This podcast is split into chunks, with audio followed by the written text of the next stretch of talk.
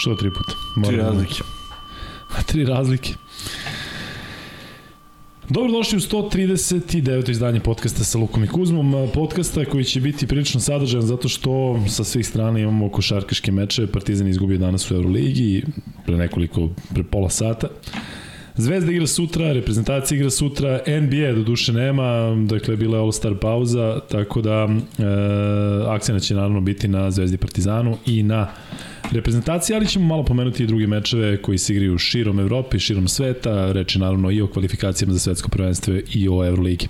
Kuzma, imamo dosta toga o čemu želimo da pričamo, ali ćemo početi nečim što nam je prilično značajno. Prvo mi reci kako si ti. E, teo sam da kažem da je nevjerovatno i mislim da nećemo često slušati igra sutra Zvezda ili Partizan igra reprezentacija, ali vidiš ponavlja se iz godine u godinu, uvek se nađu ti neki prozori koji se poklapaju. Nije prijatno jer sutra ćemo raditi jednu od utakmica koja se igra u okviru Evrolige i nekako ne možeš da pratiš jedno i drugo i zaista to već nervira, ali ajde da vidimo, ovo su poslednje utakmice u prozorima i da vidimo da li postoji nešto što mogu da se dogovore u, u narednom periodu iz, o, predstavnici FIBE i, i ULEBA ili već čega god da te stvari više ne postoje. E, I poseta danas, baš sam gledao pojedine utakmice koje ne odlučuju mnogo jer je već sve rešeno, nije bila čak ni, ni, ni to nije bilo na nivou onoga što bi zadovoljilo FIBU, a to je da to bude posećeno, da domaće reprezentacije igra na svom terenu i tako dalje i tako dalje. A ovaj završetak gde se manje više sve zna, ne donosi čak ni taj kvalitet. Da, e, malo ćemo sada da skrenemo sa košike na nešto e, što je nama, kažem još jedno posebno bitno, dakle, e, znate koliko volimo kada svi zajedno učestvujemo u humanitarnim akcijama, ali ovo je ipak nešto posebno i nešto drugačije. Dakle, e, Kuzma, hoćeš ti? E, Maja je, kolegi, Maja je supruga naše kolege i pre dve godine je imala ustanovljen karcinom dojke, uspela je to sve da sanira i to je trajalo jako dobro i taj oporavak i sve te terapije, međutim onda je u jednom trenutku pre izvesnog vremena došlo do potpuno pogrešne terapije, pa se sve potpuno i promenilo, tako da je sada u privatnoj klinici u Beogradu, gde su ti lekovi koje konzumira i koje vraćaju u neko pređašnje stanje i pomažu da bude bolje, preskupi, koštaju oko 500-600 evra dnevno i mi smo samo onako reagovali na jedan zato što se radi o momku kojeg poznajemo i koji je, koji kad vidimo ovako mladu devojku na 86. godište sa tim problemima, onda potpuno ovaj, poželimo da učinimo i više od onoga što možemo, tako da evo su računi, a mi ponovo otvaramo PayPal za Vaše donacije, kažem, nema konačne cifre, mi se nadamo da će Maja biti bolje u, u narednom periodu, ali kažem, taj boravak u bolnici strašno puno košta, tako da ajmo da krenemo u još jednu akciju i da, da pokušamo svi da pomognemo. Da, ovde imate nekoliko varijanti koji su prilično jednostavne preko te organizacije Budi Human. Dakle, vidite da imate 144 broj koji možete da pošaljete na 3030, a imate mogućnosti uplate na dinarski i na devizni račun koji ćemo ostaviti još neko vreme dok pričamo o celoj ovoj situaciji. Dakle, postoji ta opcija da e, ako vam je PayPal opcija plaćanja, prebacite nama, ali naglasite da je za Maju i mi to odmah e, dalje prosleđujemo praktično na isti ovaj dinarski račun Um, reč je o našem kolegi Neši Milunoviću, koji ne samo da je naš kolega na sport klubu, već je Srki, je tako, Neša i ovde uključen u, u podcaste, bio je u istim ovim stolicama. Je tako? Ne grešim? Povremeno? Povremeno dođe. Tako je, dakle, Nešu Milunovića znate, dakle, NFL prenosi, između ostalog, prenosi i košarku, prenosi i futbal, dakle, on je neko iz te porodice sport kluba, ali neko ko je kažem, dolazio i bukvalno sa ove pozicije priča i vama. Tako da ovo sve što mu se dešava je jako ozbiljna stvar i što se dešava njemu i što se dešava naravno pre svega Maji, tako da hajde da svi pomognemo koliko možemo. Postoji tu dakle dosta varijanti ako želite da pomognete. Kao što i Kuzma rekao, situacija je prilično dramatična u smislu da su to dnevne terapije gde, da, gde da, je potreban da. novac na dnevnom nivou, tako da, da koliko ne, ne god možemo... se ništa, ne čeka se ništa, nego jednostavno to je za, svakodne, za svaki dan u bolnici određena suma novca, a taj oporavak posle primanja u tu bolnicu je krenuo nabolje, tako da ajmo da urodimo sve što možemo u narednim danima da, da pomognemo makar na tom dnevnom nivou, pa šta god da skupimo, bit će to dobro. Mi smo odmah u stanju da prebacimo iz prostog razloga što nećemo čekati da taj novac legne, nego jednostavno ćemo ga prebaciti kao da je, kao da je već legao, on treba mu neko vreme, ali zaista ako se pojavi uplata, to nam je najmanji problem. Da, i ono što takođe želimo da kažemo, to je da će, e, kao i obično je ono što smo najavili, dakle sve što kupite preko šopa na lukajkuzma.rs, jedan deo ide u humanitarne svrhe, naš dogovor je da svakog prvog, tako je. da svakog prvog uplatimo nekome, sada nažalost. E, imamo tu mogućnost da da e, da uplatimo direktno vamo. E, da, bilo je i ovde e,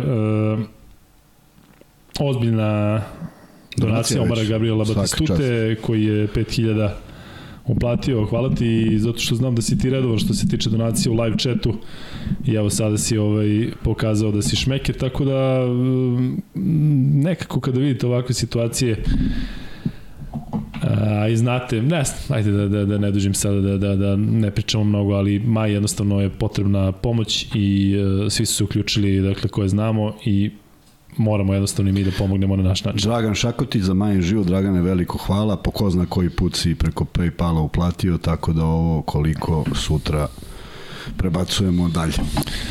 Da, e, još jedna stvar koja nije direktno vezana sa onim o čemu ćemo pričati večeras, to je nešto što smo pokrenuli ranije i vi koji ste sa nama od skoro možda i ne znate za e, tu inicijativu, za taj apel e, sa naše strane, da se jedna od dvorana u Srbiji, ako je moguće u Novom Sadu, zove po Stevanu Jelovcu i e, to je nešto što bih zaista volili da izguramo, međutim čekamo pravi moment u smislu da će verovatno za to biti najbolja ona letnja pauza i svi se nadamo da će reprezentacija Srbije obezbediti mesto na svetsko prvenstvo e, već sutra protiv Grčke e, ili u tom meču protiv Velike Britanije i onda u tom periodu, s obzirom na to da je on bio reprezentativac i da igrao baš u tim prozorima, možda kada budemo znali da idemo na mundijal, možda će biti prostora da, da se pozabavimo više ovom akcijom. Hvala Duletu, odnosno Andreju Kajmakoviću koji me je ne mogu da kažem podsjetio nikada mi od toga nismo odustali ili zaboravili, ali jednostavno ideja je bila da neke naše goste pitamo o, o tome, odnosno da oni to podrži, da onda napravimo neku kompilaciju, ali jedna od varijanti o kojoj razmišljamo i koja je moguća,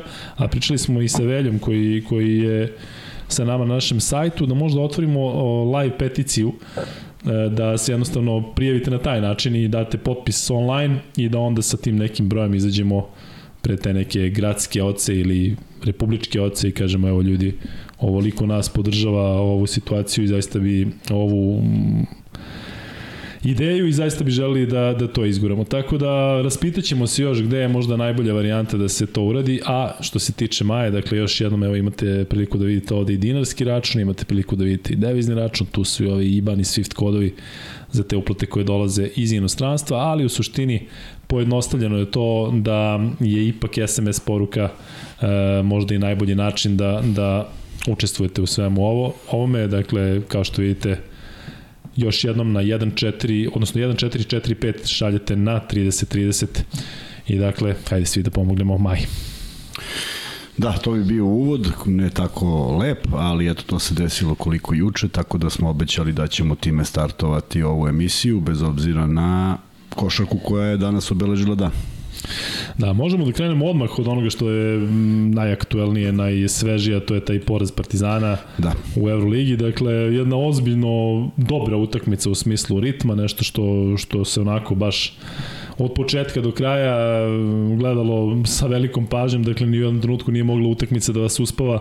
E, igralo se bukvalno na jedan ili dva posjeda manje više tokom celog meča, jeste se Fener odvojeno onih 47, 37 ili Da, ali nije to dugo trajalo. Tako, i Partizan se odmah vratio, u nekom trenutku i poveo i onda su se ekipe smenjivalo u vođstvu i sve u svemu još jedna vrlo interesantna utakmica, ali nažalost navijača Partizana poraz u areni koji ne komplikuje toliko situaciju. Mislim da čak i nije toliko strašno koliko bi u stvari donelo dobrog Partizanu da, da, da je da, pobedio da, Fenerbahče da, da. i da je sa 2-0 u, u tom u tom duelu međusobnom duelu ovaj e, praktično stigao i po broju pobjede. Da, potpuno si, potpuno si u pravu. Nažalost, nije se to desilo. Fener je očigledno iskoristio ovaj period i prilično dobro spremio utakmicu iz prostog razloga što su neke opet glavne poluge napada Partizana bile zaustavljene, naravno ne sve i zato je Partizan i bio konkurentan i ono što mi jedino upada u oči to je premoć u skokovima koja nije e, valorizovana. Dakle, 33-21 je poslednji timeout pokazuje odnos skokova 3, 3 na kontu 3 na kontu Fenera. I to je najveća šteta zato što uh, dosta tih skokova je bilo u napadu. Sećamo se nekih koji su misteriozno nisu završili u košu ali tvrda utakmica puno, puno dobrih momenata i za Partizan i za Fener. I nekoliko stvari koje onako ostave, ostave utisak. Prvi su mi ti skokovi drugo mi je da pored majestralne partije Pantera sob, sebi dozvoli da nije siguran da li ima 4 i 5 da, faula. Da, ono je neobjašnjeno. Jesi vidio čak njegovu reakciju da on ide prema pa nekom da, na klupi kao pa da što mi niste rekli? Ne, on prvo kaže ima 4, onda kaže što mi niste rekli. E sad, ajde ne idem u to da li treba neko da kaže ili ne treba da kaže. Mislim da su svi već govorili, nema šanse da niko nije sa klupe Partizana. Ali za nije to Kuzma nešto što moraš i sam da znaš? Moraš da znaš. Osim moraš ako nije bilo neke situacije, Ma, ja ne pamtim situacija... da je možda bilo faul možda tebi ili nekom drugom, pa si ti možda to malo onako... Pa šta, a gledaj, šta misliš da smo gledali ikad na semaforu? Kad podignemo glavu na semaforu, vidiš, pogledaš rezultat, pošto poeni nisu pisali. U, u naše vreme nije pisalo. Pogledaš koliko imaš faulova i pogledaš koliko je poena. To su dve informacije. Ne, nema na semaforu 68.000 informacija, pa kao sad si se izgubio. Tako da je to, to pokvarilo utisak zato što on u tom trenutku predstavlja apsolutno jedino igrača koji uh, je u, ima momentum i može da pogodi i spremanje da pogodi i preuzimao je zaista odgovornost u onim pravim momentima i to na pravi način. Uh, nisu to bili opet laki šutevi, ali iznudio je uspeo da iznudi faulove, da pogodi ona jedna što je letela nebo pod oblake, što je proletela kroz obruč, što je zaista bilo ovaj, u onim momentima kada se lomilo, onda olako, olako Vilbekin vrati tu trojku. Tako da, e, e, treći utisak kojim je, eto ga ono što se, što se nažalost desi ovaj, Partizanu, a ja nekako navijam da se desi protivničkim ekipama, kako, kako protivnička ekipa ubije ritam igre sa onim faulovima na 4 minuta do kraja. Prosto nema koša i ideš na slobodna bacanja, a u istom trenutku Partizan prima 2 plus 1, 2 plus 1, prosto nije, nije dobro na ovom nivou i eto ispostavilo se da nije. Mada, Jedna stvar zbog koje mi je žao o, dodatno što, što, ovaj, što Partizan nije pobedio, to je besmislena trojka Vilbekina iz Ćoška u kontri 3 na 1 i često sam bio svedok toga kako krene nizbrdo rezultat pri takvim nekim momentima i eto žao mi što nije krenuo nizbrdo baš iz tog razloga zato što je to potpuno neodgovorno i, i, i, i ne znam šta je trebalo da predstavi. To je u skladu sa onim što on Ma to je u skladu sa onim, ali zato ja ne smatram da je on veliki igrač. On danas nije doneo neku, neko, neko ludilo od igre i ozbiljnost. To su bili i teški prodori i dolazimo do one krajnjeg momenta kada je zaista pitanje da li išao na loptu ili išao na lede. Dakle, to je ozbiljno diskutabilno. Pošta je Wilbekin krenuo, ja mislim da je krenuo da mu ga onemogući i na kraju je Lede ispao s loptom u aut. Ne kažem da bi se desilo nešto strašno, ali strašno zato što je 8 sekundi da je ta lopta još uvek na terenu, pa dok je neko podigne, ali bi bilo neki prostor za za šut ka košu, ovako uspeo se podmetne, sudije su naravno odlučile da ne odlučuju po tom pitanju na taj način, da svi su skočili, čak, čak mi je interesantno da Ledej nije reagovao malo, malo drugačije ovaj, od reakcije koju... Da, on se u jednom trenutku ututio, što bi se da, reklo da, i... Da. E, I ovaj, e, sad još jedan utisak koji, koji stičem, da li je to bila zamisao, zaista ne znam. Ima, ima, ima dosta verovatnoće da bude zamisao da ipak neka rotacija stiže sa Dešon Pjera, ali danas je to bilo očigledno ovaj, veoma rizično. Dobro, on je stvarno da... odigrao utakmicu kako ne pamtimo. Sve stoji, sve stoji. Dakle... Zato kažem, ako, ako ćeš da napraviš neki rizik ko da ne daje koše, dakle. možda ideš na tu varijantu da Dešon Pjer bude poslednji Međutim, kad sabereš da oni Gudurić u tom trenutku imaju 9-9, to je ozbiljan udarac za jednu ekipu. Svaki put je bio sam, sve verujem, mislim, mogu da verujem da je bila rotacija namenski učinjena, ali to ide do nekih 3-3, znaš, ne ideš, ne ideš dalje, dalje više onda mora da promeniš pristup jer prosto ne smeš više da testiraš, nije to ne traje utakmica ne znam koliko, nego ne sme on da, da, da pogodi baš sve. Da, da, da kažemo i to, da je protok lopte Fenera bio jako brz. Dakle, tu nijednog trenutka, ako se, Jeste. ako možda vratiš sliku tih pasova, nijedan trenutak nije finta, nego je bukvalno prenos, Kuzma, pa čak i to taj Gudović. trening o kojem Jest, pričamo 20 jest, dana, jest, sigurno jest, svakodnevnog treniranja jest. i ono čemu ti često pričaš, Tako. to je dakle rad na tim nekim Tako, detaljima. Da ti kako primaš loptu znaš da to, ti, jer si sad to 20 dana radio samo to Delo je prirodno. i sve. deluje prirodno, tako je. Tako. E, I um, to je nešto što je u celoj ovoj situaciji, u ovoj katastrofi koja je zadesila Tursku i Siriju, nešto što je zaista pokazalo da Fener ipak jeste dobra ekipa. Oni su Jest. ozbiljno, ozbiljno uh, kiksirali, imali jedan onako crni niz, dobro počeli sad sezonu, su ali sada vratili, se da. vraćaju Sad- i deluju zaista dobro. Da, ali tu sad je pomešane te neke emocije. Sad su želeli pobedu i zbog toga što se desilo Jeste. i zbog svega i nekako su i bili fokusirani i sve to funkcionisalo. Mislim da je Buker ipak najslabija karika, bez obzira šta neko misli, prosto tu je bilo nekih potpuno nerezonskih stvari od faulova do do nekih ideja kada na egzomu na kraju ne napravi faul u kontaktu, valjda da ne izađe tih 40 sekundi do kraja. Mislim, ja prosto ne mogu da shvatim ovaj, da, da na tom nivou igrač tako nešto igra i onda se ispostavi da je da je, da je čak i taj faul nad Bukerom bio uh, dobar zato što je on pogodio samo jedno slobodno bacanje bez obzira što je ovaj Panter napravio i to je ipak veliki minus ali E, postavio mi neko pitanje kako je stalno faul nad, nad Mo, Motlijem ili na Bukerom od Pantera. Pa zato što je stvarno Partizan opet igrao sve ono, e, ovde su sada čitali. I čekali su. Čekali su 23. sekundu da spuste loptu. Ozbiljan je problem čuvati Motlija 1 na 1, ozbiljan je problem Bukera čuvati, ali ja bih sa Bukerom rizikovao. Ja da imam četiri faula i da, da treba da ga napravim. Si vidio kako Papa Petru stiže? Znači, tu sigurno je bio koš. Tu Buker ne bi poentirao. Moraš malo da razmisliš da, da, da, da ne smeš sebe da izbaciš iz igre što se desilo. A pita ovde, odnosno kao konstatuje Deki Tomović, kaže daš 94 poena kod kuće i ne dobiješ. Jest, Ali to je otprilike ta igra Partizana, na sličan način je pobedio recimo Makabi, Jest, dobiješ neke na taj mečeve. način, tako Dakle, ovo je igra Partizana, samo je sada u toj varijanti na koš više, jednostavno Fenerbahče mislim, tako je. postigao taj koš tako, više. Tako je. Međutim, bili su, bila je prebrza igra. Prebrza po mog, za moj ukus. I kažem, ja volim kad Partizan igra sporije. Danas nisu to radili. Mnogo nekih stvari koje su bile prebrze. A, ušli su malo u glavu igračima Partizana. To je i Tudis postavio tako, video si koliko je Gudurić stajao od uh, egzuma baš zbog tog uh, momenta, to je Muta Nikolić im običaj da kaže, uh, bežite od njega da, da, pa dobro kaže, ok, neće šutnuti. Ma kaže, ne može ni da te obiće kad si toliko daleko, zato što je stvarno teško naći dobar momentum za, za, za prodor, jer ti si mnogo daleko. Tako da su ga baš zbunili i faktički njega u utakmicu vraća ona neverovatno teška trojka u tablu, sreća koja ga je pratila, zato što on jeste imao veliki napor na ovoj utakmici i želeo pobedu i e, pokušavao sve ono isto, ali videli smo da više ta priča da on može da odigra leđima s nekim ne funkcioniše. I mislim da treba se okanu toga zato što se nekako izgubi mnogo vremena u napadu, a videli smo koliko Panter ovaj, ipak jeste opasan, e, naročito kada uđe u dobru utakmicu, u utakmicu ušao odlično. Tako da škripalo je, ali me je e, e, e, uslovno rečeno pomislio sam šta se dešava kad je već Fener došao na 42 poena. Još nije bila blizu kraj druge četvrtine, rekao ako Partizan primi 50, jako teško je pobediti tu utakmicu gde to Feneru ipak više leži i više odgovara i u krajnjem slučaju imali su više raspoloženih šutera s obzirom da je ovde Madar sam sebe uveo problem. I on je napravio potpuno besmislen faul. Treći faul koji ga izbacuje iz igre Da.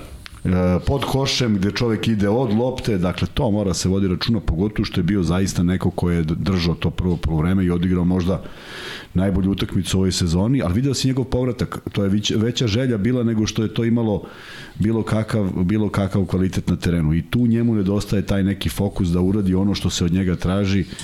Nažalost e, kako je ušao tako je napravio faul nad Wilbekinom Da li jeste, da li nije na uspravnom snimku koji je jednom prikazan, zaista ne mogu da ocenim, vidim da je bio neki kontakt, ali je moglo da prođe i bez faula. Kuzma, se to dešavalo u periodu kada si ti bio na nivou Evrolige?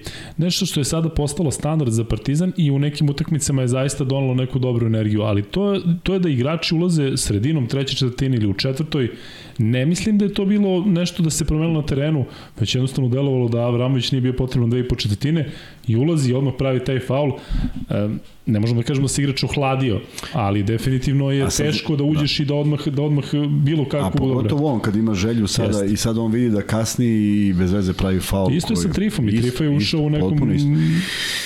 Ne znam šta ti kažem, zaista ne znam, potpuno je drugačije sve i kad vratim film, mi smo nekako trajali, pa nekad se dešavali da nema izmena, takav, takav ritam košarke je bio, tako da a, nije, ne bi mi bilo strano da se to dešavalo i u, u, u periodu kada smo igrali, da neko odigra ce, obe četvrtine, pa u trećem ga neko zameni. Međutim, a, ovde je važnost utakmice i želja. Evo vidio si, na primjer, neverovatan promašaj ovoga Smajlagića u prvom polovremenu, prosto ne može bliže košu, a onda ulazi sa mnogo, mnogo, mnogo, sa mnogo većom energijom i onda sve to vadi neke lopte Avramovića koje su ispod koša, daje neke poene i odradi odličan posao, zameni Lesora koji opet bio izuzetno dobar, ali opet pre, pre, previše nervozan. Vidim da ga je nešto ovaj, onaj onaj zicar što je promašio koji je bio potpuno sam, tačno vidiš da se iznervirao zbog toga i da ga celu utakmicu u nekom u nekoj nervozi znam, veliki ulog i... Ne, moguće to kontrolisati kod mi smo ne, ne, pričali ne, ranije o tome ne, i kako ne. treba jednostavno možda uh, raditi sa njim. Dakle, ovde se ljudi hvataju na to da sam ja rekao da navijači propričaju sa njim, ali to je definitivno taj neki odnos drugarski gde kad bi mu neko prišao rekao daj Borazoru, molim te, Opusti toliko si da, dobar, nemoj, da, nemoj daj samo, se samo ne, da. nemoj, tu smo uz tebe smo, da, a ne sad onda neki se... da ga postroje. Da, ne, zloupotrebljavaju to, da li neka, kažem ti, nekako mora i mora da se ubacite negativne energije. Izvini, sad prekidam ovo, ali imamo jako dve lepe poruke jedna za drugom. Prvo, Laufer e, donira iz Švedske i kaže za Maju budimo složni, pozdrav drugari, zaista treba da budemo složni. A nema zaista potrebe za nekim podbadanjima sada, posebno na toj relaciji Zvezda Partizan imaćemo prostor za tako nešto kada dođe do onih mečeva u ABA ligi i već čega god. Već brzo će to Ali doći. Nenad e, Kragovac se čak e, i iznervirao, on je sa nama već jako dugo i jako lepo komentariše, ali on se iznervirao zbog toga što što postoji to peckanje koje nekada prelazi onako granicu i dobar ukus, ali nama je drago da si ti shvatio kako ovo funkcioniše, nisi jedini, naravno ovde je ozbiljna da, većina onih koji, jest. koji shvate u kakve vibracije šaljemo. Tako da sve u svemu, uh, ajde da probamo da se sudržimo. Srki je večeras tu, dakle, navikli ste na Vanju, navikli ste u poslednje vreme i na Irenu, ali su Srki je tu sa nama. Srki uh, nije toliko lak ovaj, nema toliko laku ruku, ali eto, ako bude trebalo nešto da se banuje, banovaće se. Nadamo se da, da nas nećete dovoditi u tu situaciju, da, da jednostavno volimo da komentarišete svi, čak i kada se nekada pređe granica. Ok, opet se vraćam na onog jednog momka koji kad smo radili Europsko prvenstvo, kada smo izgubili iz Italije, ma ovde svakih 5 sekundi mi je kucao poruku, Luka, je si rekao za Italije, ba Luka, sada da te podsjeti me važno, da, da. i onda sutra kad smo radili podcast, rekao Luka, izvini, poludao sam bio i od tada lepo komentariše, dakle, jedno je u žaru borbe i e, jedno je kada malo onako upadnemo u nervozu svi, a drugo je da ima oni konstantno koji, koji tu vole da, da podbadaju. Tako da sve u svemu Kuzma, da se mi vratimo na ovu utakmicu, stali da. smo negde kod Lesore, kasnije ćemo prolaziti igrače pojedinačno, da. ali ono što, što meni recimo je dve stvari, ajde za, na početak utakmice da pređemo. Delovalo je da Partizan nije imao nikakve posledice izgubljenog derbija. Tako je meni delovalo što se tiče Odlično energije. Su izgledali, da, da, dakle, Odlično su izgledali to... i vidi ko je tu povukao. Povukao je Madar. Tako. Uželeo se košarke i bilo mu je, ja mislim da kažem, da je prosto morao da padne izbor na nekoga, ono što smo diskutovali, umesto koga, ko. Nemaš baš beskonačan izbor, bez obzira što bi on sigurno bio u sastavu bilo kom drugom o, o, o odnosu snaga, ali prosto želeo se i ovo mu je bio veliki izazov. Da li mu je i Vilbeki na neki način izazov, da li mu je Fener izazov, ne znam. Zaista jedno neverovatno dobro, kvalitetno otvaranje utakmice i sve to traje. kažem, kada tako, to, to, sad, to, to sad on mora da nauči. Kada tako otvoriš utakmicu i kad vidiš da mnogo toga zavisi, jer u tom trenutku zaista mnogo toga zavisi od njega. Teško da možemo da izvojimo nekog igrača, kažemo da je on sad Dao je tu Lesor neki koš, ovo je dao, ali nije to bila iz neke igre. On je vodio igru, ne može sebi dozvoliš da napraviš treći faul potpuno van, van terena. Zato što ako si hteo da sprečiš napad, moraš da znaš da na 4 metra od koša ima još tri tvoja saigrača koji će doći da ti pomognu ako taj motli krene na koš. Nemoj da brineš da li ćeš ti morati da ga napraviš. Samo, samo baš nemoj ti. Zato što mora znaš koliko imaš penala i Panter mora zna koliko ima penala i prosto ne može da nešto tako... Da, to su ljudi koji igraju na tim bekovskim pozicijama, naravno, kojih očekuješ, naravno, ajde pa među mora, centrima, kad centra nešto uradi pa kažeš, ej, oni su ovakvi ili onakvi. čovek koji mora da razmišlja brzo, koji mora sve da zna, koji mora da ima, koji mora da ima, uh, zaista, ne preterujem, znali smo koliko naši saigrači imaju falo, da ga zaštitimo od faula. I ono kad ja kažem, svi dignemo ruku, pa koga sudio bode, dignemo svi koji nemamo faulo, da bi zaštitili tog nekog. Moramo da znamo, a pritom to je najlakše videti. Nema tih tačkica, kad vidiš da je treća, već ti je panika, to sad deluje ovoliko, ali tako? Pa valjda Da, nekog onda je stvarno zaštiti. stupidno da ti očekuješ da ti pomoćni trener kaže, e, imaš Ej, tri da, faula, imaš. pazi. Ka, ali kažem ti, nema šta da drugo gledaš. Tako da je bez veze ispalo i tu je pokvaren utisak na cele, cele utakmice, jer mislim da bi on doneo. Ne bi Papa Petru šutnuo onaj šut preko Gudurića, nego bi to šutnuo Panter. A onda kad šutne Panter u ovakvom ovaj, u ovakvoj formi, u ovako dobroj utakmici, to bi drugačije izgledalo. Pa neka promaši, nema veze, promašio, ali znaš ko šutira. Ovako Papa Petru preuzeo Mora je neko, pošto je ostalo još sekundi i osam desetinki do kraja, mora je neko da šutne, ali to nije dobar napad, to nije, ništa se mudro nije desilo iz toga.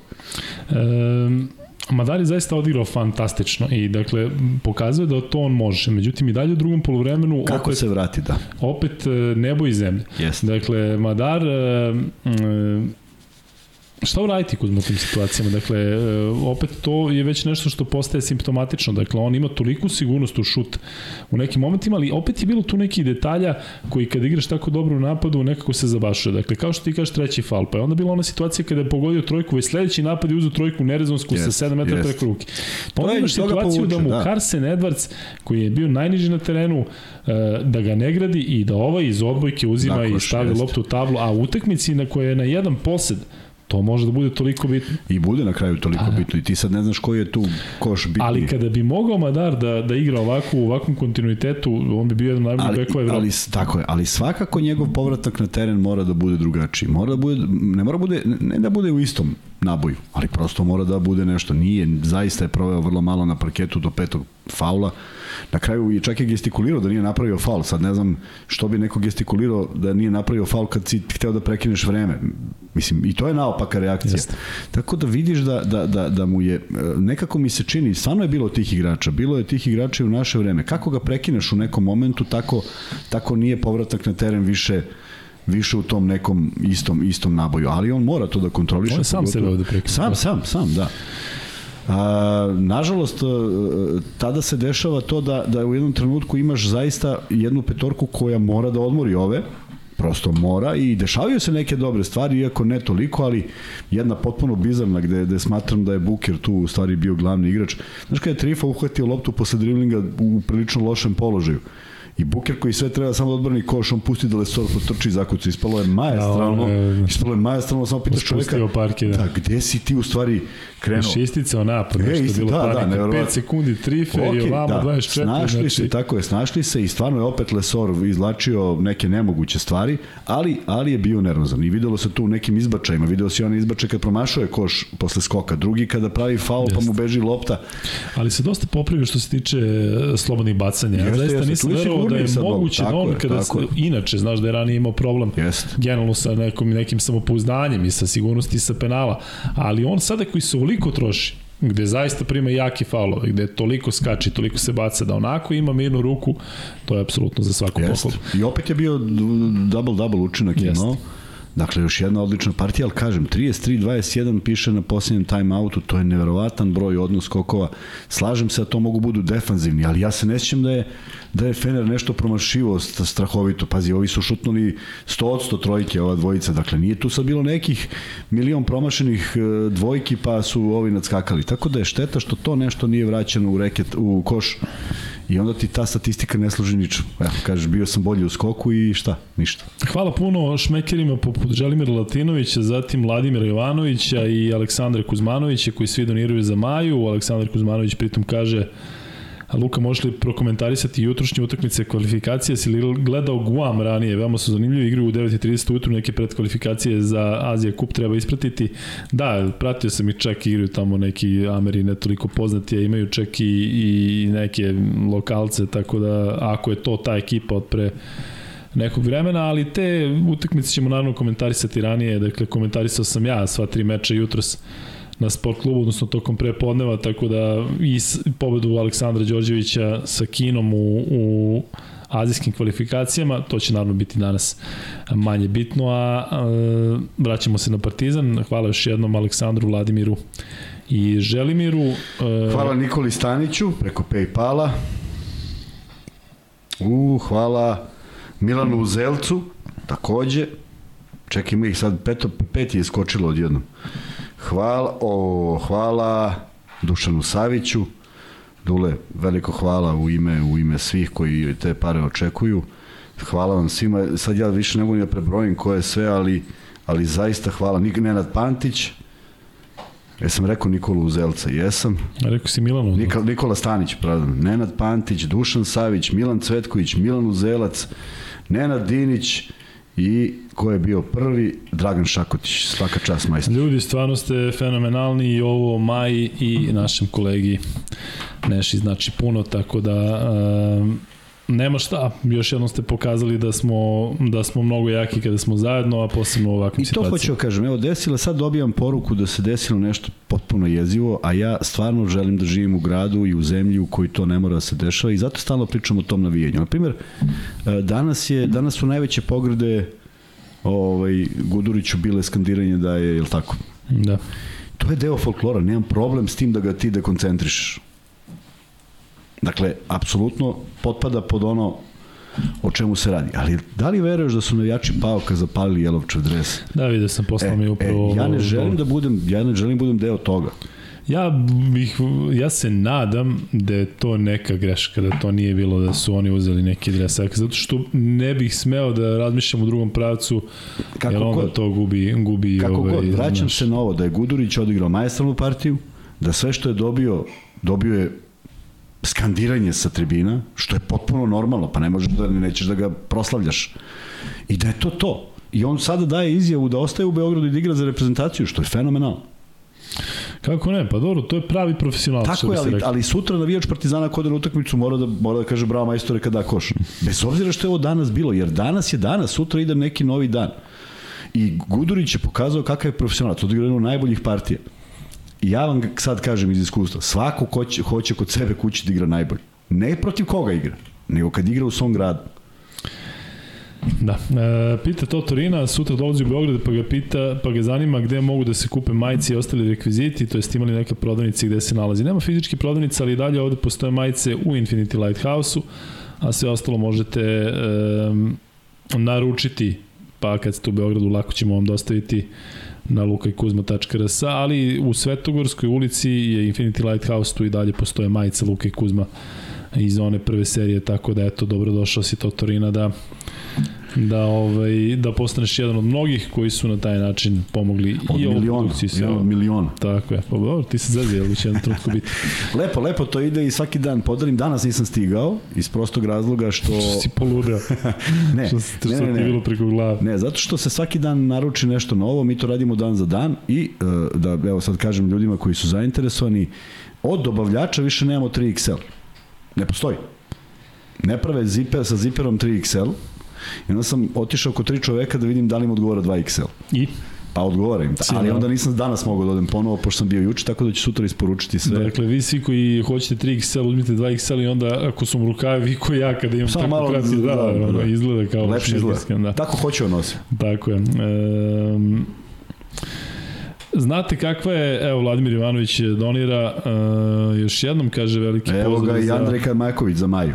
Hvala Andrej. E, to je Dule. Dule. To je Andrej Dule Karmaković. Dule. I Luka. I Luka Momčilović. Hvala Luka. Da, to čini mi se da su sve ono naši stari. Sve su ovo ljudi drugari. koji su već uplaćivali. Jeste. Stvarno ste carevi i kažem, toliko je zadovoljstvo raditi e, sve ovo sa vama. Dakle, mene baš pita drugar danas, kaže, brate, odakle ti snage? Dakle, jutro si jedna utakmica u 7, druga utakmica u 9, treća u 11 12.30, dakle, Kina. Posle toga, gledaj futbal, gledaj e, košarku, dođi ovde radi i satima, ali ovo je sve zaista zato što se crpi energija odavde. Dakle, ovo je, pričao sam bilo i utočište kada je bilo teških, životnih teških momenta, kada je lepo je da čekate da nešto podelite, da podelimo sa vama, a ove situacije danas, dakle, što se tiče Maje, um, to je jednostavno nešto gde moramo da pokažemo zajedništvo i zaista hvala svima vama na, na, na svemu uh, i svima vama koji donirate na evo nekoliko različitih strana, pretpostavljam da ima i vas koji ćete direktno donirati na dinarski devizni račun, tako je do duše i najlakše. Znate za onu našu staru, uh, nije toliko stara, ali u poslednje vreme tako, Dakle, kada dođemo do 500 lajka ide prvi free bet. Ali Kuzma, vidi koliko imamo subscribera, ja e, iskreno verujem da mi možemo da dođemo do 18k ili danas ili sutra. Realnije sutra, sutra je realnije, ali ajde da vidimo. Ajde da probamo. Da vidimo šta kaže. Kuzma kaže 17.777, priznaj. Jesi tako rekao? Da, 7777. Uh, 17.000 726. Da, nismo blizu 77. Nismo blizu, ali sve to ide kako Sutra treba. ćemo da, da, da cepamo. Sve to ide kako treba. Nebojša Damjanović se odjavljuje i kaže da ide da spava, da, da ne može da izdrži. Živio, Nebojša Možda kaže sutra nastaje pogleda. sutra. Tako je. Da. Um, Kuzma, da se vratimo na utakmicu između Partizana i Fenerbahče, bavit ćemo se u, uskoro i e, Vladimir Jekić je poslao ovaj, e, da je poslao ove poruke, hvala Vladimire, Sjajno. svaka čast, tako da E, pojedinačno ćemo se baviti igračima, ali um, ali hajde da dođemo do te završnice. E, naravno, govoriti nešto drugačije u odnosu na najboljeg trenera Evrope svih vremena je potpuno suludo. Međutim, e, e, lako je biti sada pametan. Međutim, na te 32 sekunde e, pre kraja, Partizan je imao minus 3 i protivnik je imao napad. Da li je postojao ranije neki šablon da kada igraš kod kuće drugačija situacija kada tražiš penal završnicu? Zato što konkretno je Wilbekin promašio jedno slobodno bacanje. Nigel Hayes Davis je jedno dobacio sa linije penala i recimo iz tvog nekog košarkaškog ugla na pola minuta pre kraja u areni koja će da, da zviždi na tri razlike. na tri Pa moraš da razlike. braniš. Moraš da braniš, ali ostalo je u najboljoj varijanti da se nije desilo ono sa LDM. Ostaje 8 sekundi 8 Partizan. sekundi, dobro je. I naravno da će tu da pravi faul. Da, ideš, hoće, da. Ali, uh, I gde je tvoja šta, šansa tu? pa, znaš kako, šansa je da izbegneš da pobegneš. Moraš da obraniš, da uhvatiš loptu tu je Sve partizan. stoji, sve I onda stoji. uzimaš loptu, zalećeš se, a ovo će naravno Sve ti stoje, sačeš ovdje faulom i lopta kod. Gudurića, on ima dva u sezoni promašena. Dakle, ili da napraviš faul odma, ali je problem u tome što i ti imaš problem sa izvođenjem slovnih bacanja, jer su i tvoji igrači promašili. Dakle, Da. da. da li stižeš to? Tako da teško je odrečiti, odlučiti iz prostog razloga što nijedno i drugo nije neka dobitna kombinacija. Ali ovde je sve bilo okej, okay, jer je jako težak šut Wilbekin uzeo, I slažem se da je 8,2, ali 8,2 ako je faul odmah ispod koša, što bi se desilo, jer Buker je tu bio na terenu, sigurno bi on nekog Daje ti onu varijantu da... klepio, onda bi možda mogao da daš odmah ili u nekom skoku da su iznudili faul, onda idu bez, bez protoka, to- protoka sekundi, onda imaš još jedan. Sve je bilo uređeno kako treba, ali ta lopta se odbila toliko bez veze da je bila ničija i kažem, mislim da je Wilbekin iskoristio taj prostor da se kao baci za loptu, a da je uopšte nije, nije ni bio blizu da je dohvati E, sad bi to bio nameran faul i lopta sa strane i sve, ali mislim da sudi nisu ni htele da uzmu tu odluku. Vidim da je Željko Obradović reagovao jer mu nije jasno da se to desilo. Isto kao što ima onaj moment kada, kada ovaj Hayes izbacuje loptu u out. Definitivno Da, on da, izbacio. da.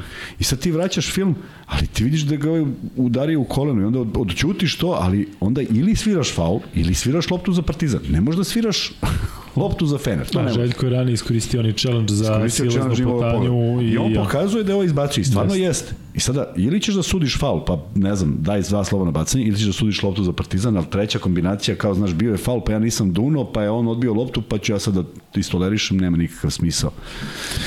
Željko 92 pita kako komentarišete da jedan trener kao što je i Tudis prilično toleriše onako divlju igru Edvarce i da li je moguće da Fener u kontri 3 na 1 e, i na minut 33 Tako pre je, kraja je. da se lomi tek, tekma šutira trojku. Ja da, da to, on se, to se dešava na svakoj utakmici e, A Fenera? Edwards, Edwards ne znam kako je uopšte u Euroligi. To E mi sad. zaista nije jasno.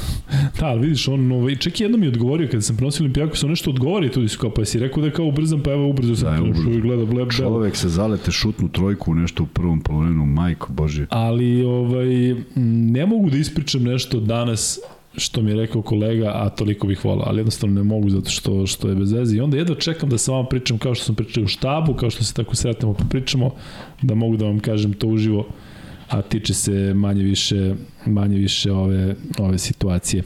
E, Kuzma da pređemo na igrače. E, ajde još malo stvari da se zadržimo na toj odbrani Partizana 1 na 1. E, je li to nešto što postaje da kažem hroničan problem da recimo pojedini igrači Pa čitaju, sada čitaju. Video si Da. koliko sporo igraju, oni su Uh, Dejan Tiganj kaže, "Ovo, Kuzma, ova uplata na Paypalu je za Maju. Da, naravno, Dejan, hvala ti puno. i Vladimir Šutić ili Sutić Da, je takođe uplatio od u live chatu i to je posljedna O. donacija koju smo dobili ovde. ovaj, uh, sada, sada se čita i sad i Tudis ima dovoljno, skautiraju u krajnjem slučaju kako to sve izgleda, video si koliko je puta pogodio i koliko puta su sačekali visokog igrača da bude da bude sam. Čak i kad je bilo neko udvajanje, tražili su iz prostog razloga što je jako teško kad udvojiš da se vratiš. I video si iz nekih udvajanja lopta išla ka Pjeru koji je bio sam. Tako da e, rizik je možda postojao, mora da se napravi nekakav, s obzirom da je Partizan ipak protiv e, opet gabaritnijih igrača Fener opet igrao sa Lesorom, je tako? Mada Smajlagić je drugo polovreme odigrao, odigrao daleko bolje, ali to bi bilo to. I onda negde moraš da zaštitiš svoje, svoje igrače, a to je Pierre iskoristio i evo sad neko šalje podatak da je u sedam mečeva kombinovano postigo 19 pojena, a danas 21 3 koliko. Da, ovde kost, konstatuje Branislav Marković da je Wilbekin isti Mike James. Dakle, to je taj isti da, tip da, igrača koji je. zaista može da 50 poena, koji ima nevjerovatne da. fizičke sposobnosti za jednog beka, skaču po metru u vazduh, izbacuju taj skok šut iz neverovatnih pozicije pogađaju, ali ja da sam trener i da sam igrač, ne bih volao takvog saigrača, ne, niti bih volao da, da moram takvog čovjeka da treniram i da zavisim od njega. A Carson Edwards ide ka tome u smislu nekog divljaštva, ali nije na tom nivou da ti se ne, kažeš evo tebi loptu. Nivou, on je samo bio. Pa da. Ali eto, on dolo je malo nabeđeno, dakle, došao iz NBA lige, on je imao, da kažem, neko svoje mesto u Boston Celticsima koji u poslednje vreme, odnosno poslednjih nekoliko sezona igri ozbiljno i onda je za sve nas bilo nekako iznenađenje kao Edwards dolazi u Evropu ali ovaj, e, ne bih volao da je recimo takav igrač u Partizanu ili Zvezdi e, na stranu to što je zaista I, dobar košgeter. Da, i mislim da su probani u onom momentu kada Wilbekin nije nešto briljirao, on od početka utakmice nije, da. čak mislim da u ovoj sezoni i nema nekih strahovitih utakmica kakve je možda imao, možda mu smeta to što postoje drugi igrači, znaš, ne snađe, ne snađe se svako ovaj, kad ne dobije ulogu koju misli da zaslužuje. Danas je uzeo neke šutove koje uopšte nije morao, išao je neke izuzetno komplikovane ulaze, negde dobio faul, a mogu i da ne dobije komotno. Tako da mi ne uliva poverenja tek Edwards i mislim da zato i nije vraćan na parke, tako da je ovaj, čak i Kalates je bio diskutabilan za kraj utakmice iz prostog razloga što ništa nije pogodio. A kako da odigraš završnicu ako, ako baš ne može E, ništa od toga. I mislim da su tu preva, prevagu, su prevagu je apsolutno napravio Gudurić, čak ne onim trojkama koje su bile prilično smirene u pravom trenutku, ali konkretno onaj ulaz levom rukom kada dobio faul i kada zavrne loptu i ona uđe u koš, dakle apsolutno sve što je bacio, sve, sve do posljednje trojke koje je, koju je podbacio, on je pogodio. Tako da jeste najzaslužniji za tu pobedu, uh, igrao je vrlo fokusirano, uz njega Pierre. Svi ovi ostali, ja sam očekivao više od Motlija, međutim... Više? Više, da. Očekivao sam više zato što, zato što sam mislio da će izvlačiti malo više ovaj, Lesora koji je sam pa zbog toga da ga više napada, da ga više optereti, međutim ispod koša stvarno nije mnogo mnogo mogao. Deluje, deluje da je Lesor zaista toliko brz da jako, jako se brzo pomeri i neki šutevi koji su delovali da ima prednost u zakoraku su šutirani onako više iz, iz, iz ono, da izbaci loptu da. nego što to ide ka košu. Zveki kaže malo asistencija Partizana u odnosu na ulike broj poena, ali to je nešto što je standardno. Partizan jednostavno tako igra. Sad je baš mnogo jest. velika razlika. Sad je bilo 14 asistencija u poslednjem time-outu, ne znam da li je bila još koja, ali nešto sumnjam, zato što je Jegzom i one dve završio sam. Tako da jeste, jer to kad pomnožiš da su sve trojke, pa je, pa je nije ni pola poena od ovih postignutih. E, slažem se sa tobom Ivane, zašto challenge ne ostaje dostupan ako je iskorišćen uspešan, da li bi trebalo to da se uvede, zvuči korisno, pa da, meni, meni je to jedan od načina kako bi možda ogolili te sudije, ako ti pet puta za redom tražiš challenge i pet puta pokažeš da su oni pogrešili, možda bi to njih nateralo da se nekako situacija izmeni, a kada izgubiš challenge, izgubiš ga i onda ne bi bilo toliko kalkulisanje kod trenera, ali evo konkretno situacija večeras, naravno sada će da kažu pa to je zbog Partizana, ali eto, Željko je iskoristio challenge kada je trebalo i bio uspešan i onda mu je trebao još jedan na, na tu izgubljenu loptu, odnosno da. kada je Nigel Hayes Davis igrao da. poslednji i videli ste kako je Hvala kako Andrej, ako ti se nisam zahvalio, onda ponovo ti se zahvalim, jer deluje mi da si dva puta poslao. Jeste, hvala. I ovde je bilo duplo slanje, tako da hvala svima. Ovaj, potpuno si upravo za taj challenge, ali taj challenge nema apsolutno, mislim... Da, mislim, znam ne, da bi ga ne, ti ukinuo. Ne, ne što bi ga ukinuo, ja bi, ja bi čak više volao da postoji challenge, na primjer, nije se dosudilo ništa, a ja kažem, molim te, pogledaj. A on Da, ti da, da odgovori, može pa to se da nije dosudilo. Pa zato i jeste challenge, što ga nisi video. Tako. Šta me briga da ti da, da pričamo o tome šta jesi video. I A moglo mislim da bi to unelo ozbiljnu pometnju, zašto Ma, bi ti onda morao, ka- u kom trenutku tražiš challenge? E, U smislu sad nešto se desi, ili ti prekidaš kontru ili čekaš prvi prekid. Ako čekaš prođe prvi- pa a, onda prođe dva naravno. minuta, pa ti kažeš, Čekaj, jesmo i to gledali u Euroligi. Jel bio poništen koš da. Pantenikusu? Jeste. Pa, gledali smo sve, pošto ne gledamo i to. Da. I vidi, znaš da su one sudije sa Australijan Opena dobile otkaze, više nema tamo. I samo ih postaviš na sve euroligaške utakmice da gledaju ko gazi liniju. Kuzma, Željan, Pa, a, a ej, misliš samo. da ga spuste na taj nivo, sad ćeš ti da Tako gledaš je, pa liniju, da. linijski Ne, jel, ne radiš tamo, ne radiš. Ajde, dođi vam. I onda on sedi i gleda i op, Out, da. šta bi falilo? S- 70 sudija. Ko da plati to Kuzma? Pa šta je ko da plati sve može? Da za džabe. E, zašto Kuzma ne radi utakmice sa Plavšićem? Ko kažete? A, pa nisam radio zašto je Plavšić A putovao da, u Italiju, samo poslednje, zato, da. poslednje, on je putovao u Italiju i onda je Da, Kuzma onda je bio mesta bolestan. teško. Hm? Onda si bio bolestan jednu, jednu utakmicu Zvezde si propustio tako. Jeste, da. Da, i e, sutra radiš sa Lakijem. Sutra Laki radi zašto Ilija radi Srbiju. Tako je. Um, da, pređemo na, sada na, na igrače. Dakle, naravno, pričat ćemo malo i o Fenerbahčevu na kraju, ali Eto, možemo da krenemo od igrača koji je definitivno izdominirao što se tiče poena. Kevin Panter 25 poena. Tri trojke dao iz šest pokušaja, a od te tri trojke dve su bile pod faulom, bez promašaja sa penala 6 od 6, vrlo koristan i za dva, odnosno vrlo siguran 5 od 7. Dve asistencije, jedan skok i ono što je meni najdraže, nije bilo ni jedne izgubljene lopte, tako da je njegov indeks 24, međutim i u odbrani je dosta toga pokrivao i ispadao je, ali onda sve to nekako pada u vodu kada čovjek napravi peti faul i to toliko očigledan i stane i čeka i onda mu kaže Čak, izađe napolje, Marko, čekaj, i desi. Marko Zbunjen koji kaže sad nisam siguran da li je četvrti Da, faul, da, jer da. on tako deluje sigurno kao da je malo čas pogledao na semafor i shvatio da i ogromna, ogromna šteta da čak nema ni Željkove reakcije, šta da kaže? A gubiš zaista igrača koji drži rezultat. E, ovoga puta je nedostajao Ledej.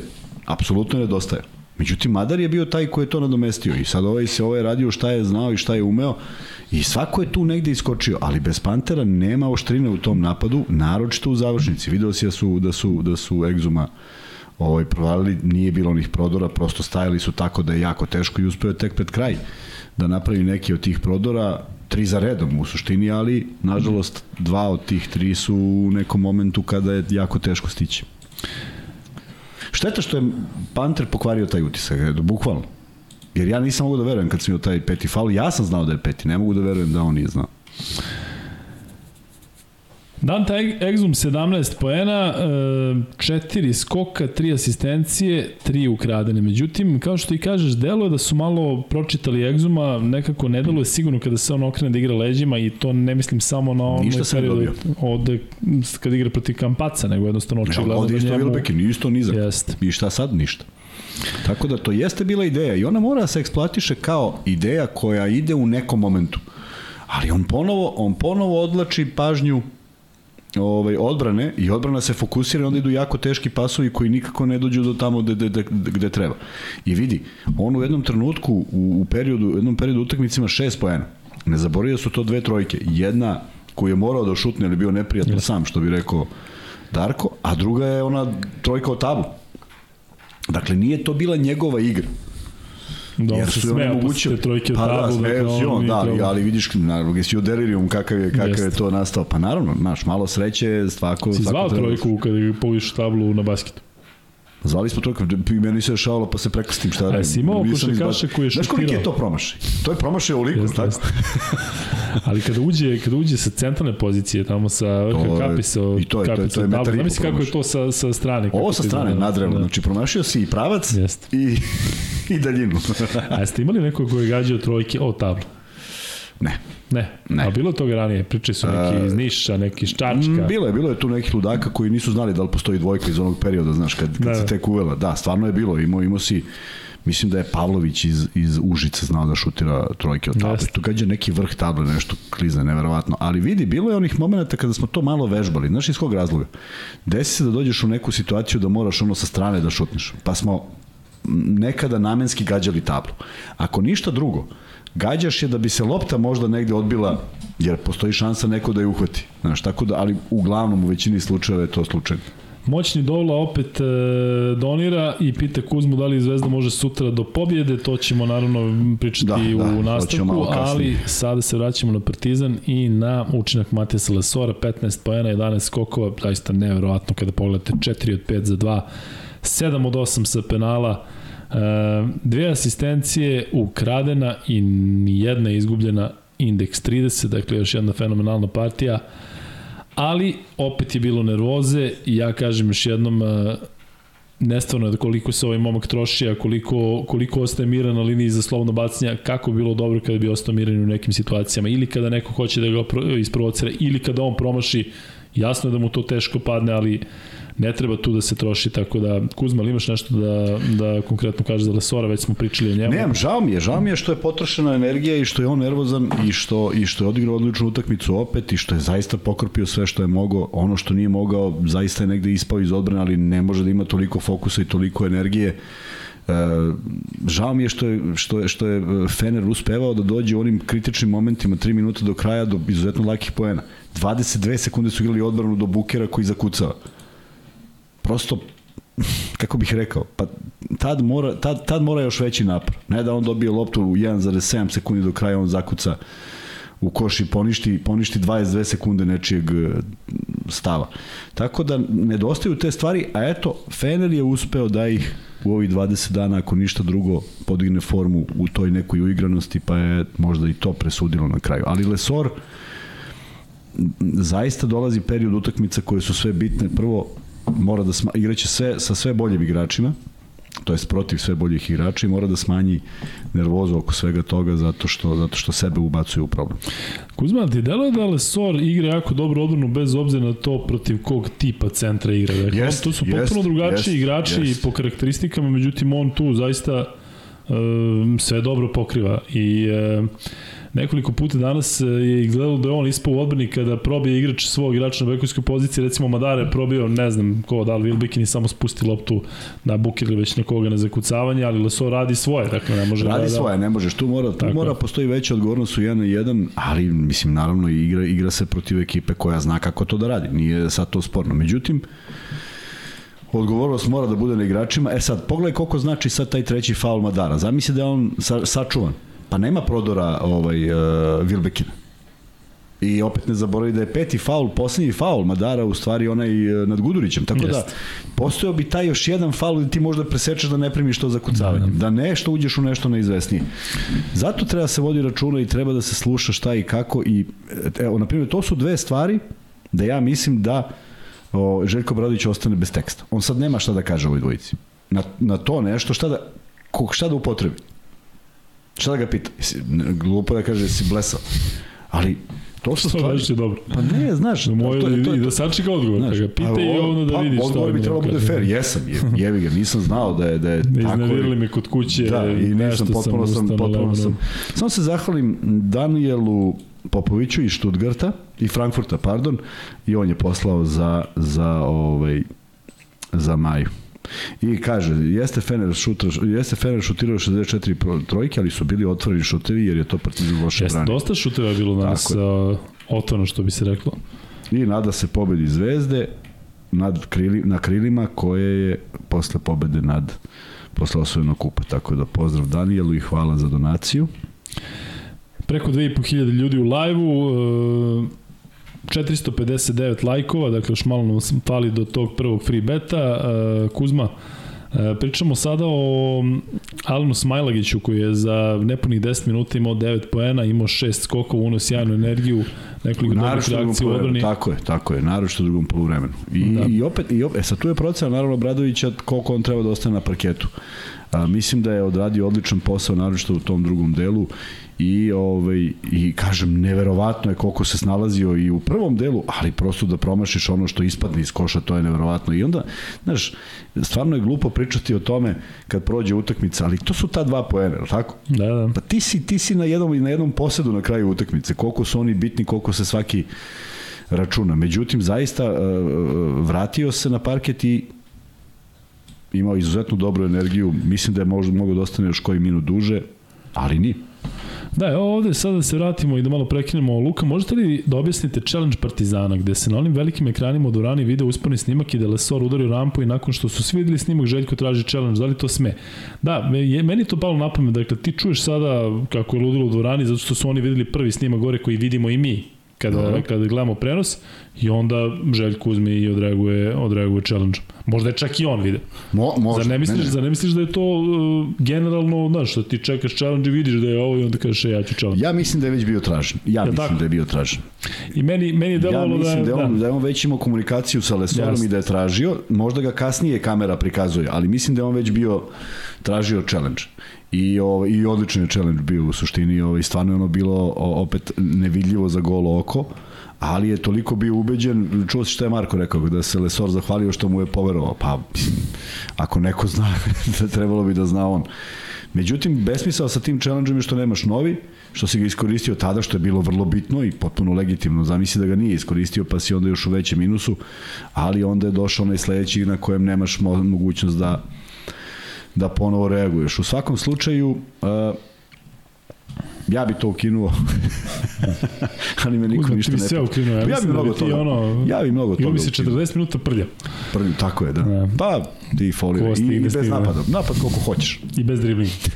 pa dok li stigneš. E, stigli smo, odnosno prebacili smo 500 lajkova, tako da ćemo sada da postavimo prvo free bet pitanje, s obzirom na to da pričamo ovde igračima, pitaću vas o kome nećemo pričati. Dakle, dva igrača Partizana nisu ulazila u igru na ovom meču, ko prvi odgovori Ko su ta dva igrača? Dobit će free bet max beta i šalje ga na lukajkuzma.gmail.com uh, Imaš nešto Kuzma da kažeš, nešto si... Imam da kažem, da. Ovde se svašta dešava i... Ovaj, Gori, ja? Pa da. I ovaj... A, Đorđe, koji je prvi koji je naručio ceo onaj komplet opreme, Evo sad kaže, ja nemam nikakve druge kombinacije, ali mogu na Paypal i uplatio za Maju. Hvala Đorđe. Bravo, Đorđe. Svaka čast majstor. Dimitrij Dojčinović je osvojio free bet i on je stavio Andjušić i Tristan. Srki, jel ti imaš nešto drugačije tu nekada zna meni i Vanje da se razlikuje, jel ti deluje da je ovo prvi tačan odgovor, dakle Andjušić i Tristan, ja sam ovde uključio live chat da ne bude sporno. Jel tebi pokazuje nešto suprotno, a? Ček, izašlo ih je dosta. Dimitrij Dojčinović je kod mene prvi. Da. E, samo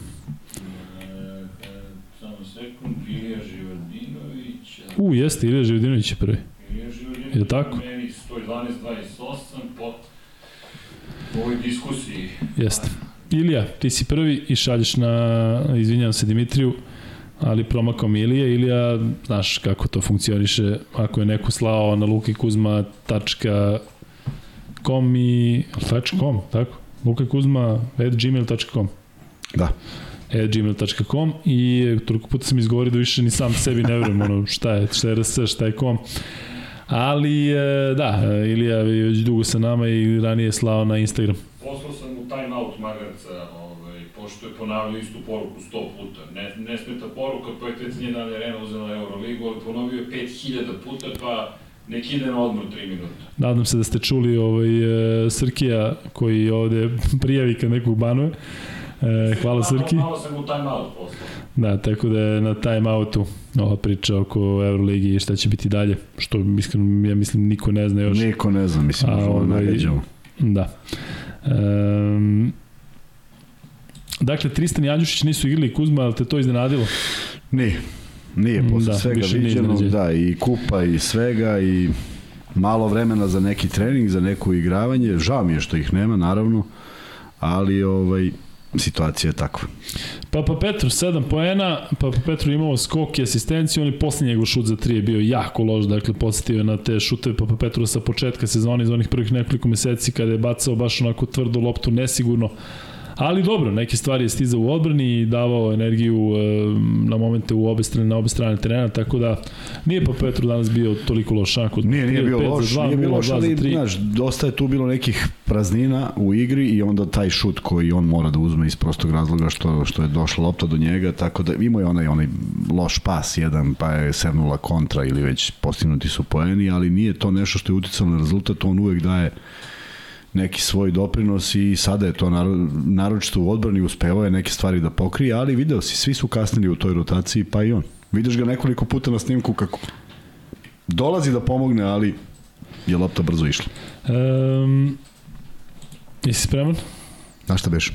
Naredni igrač o kojem ćemo pričati, tek za, za tvoje uši, samo za tvoje uši. Naredni igrač o kojem ćemo da. pričati je... I, i šta kažeš, bilo je vjerojatno da sam ispucao celu ekipu. Da, tako? da, celu, jedno 12 da. komada. 14 komada, oni dvojicu koji ono, nisu povređeni.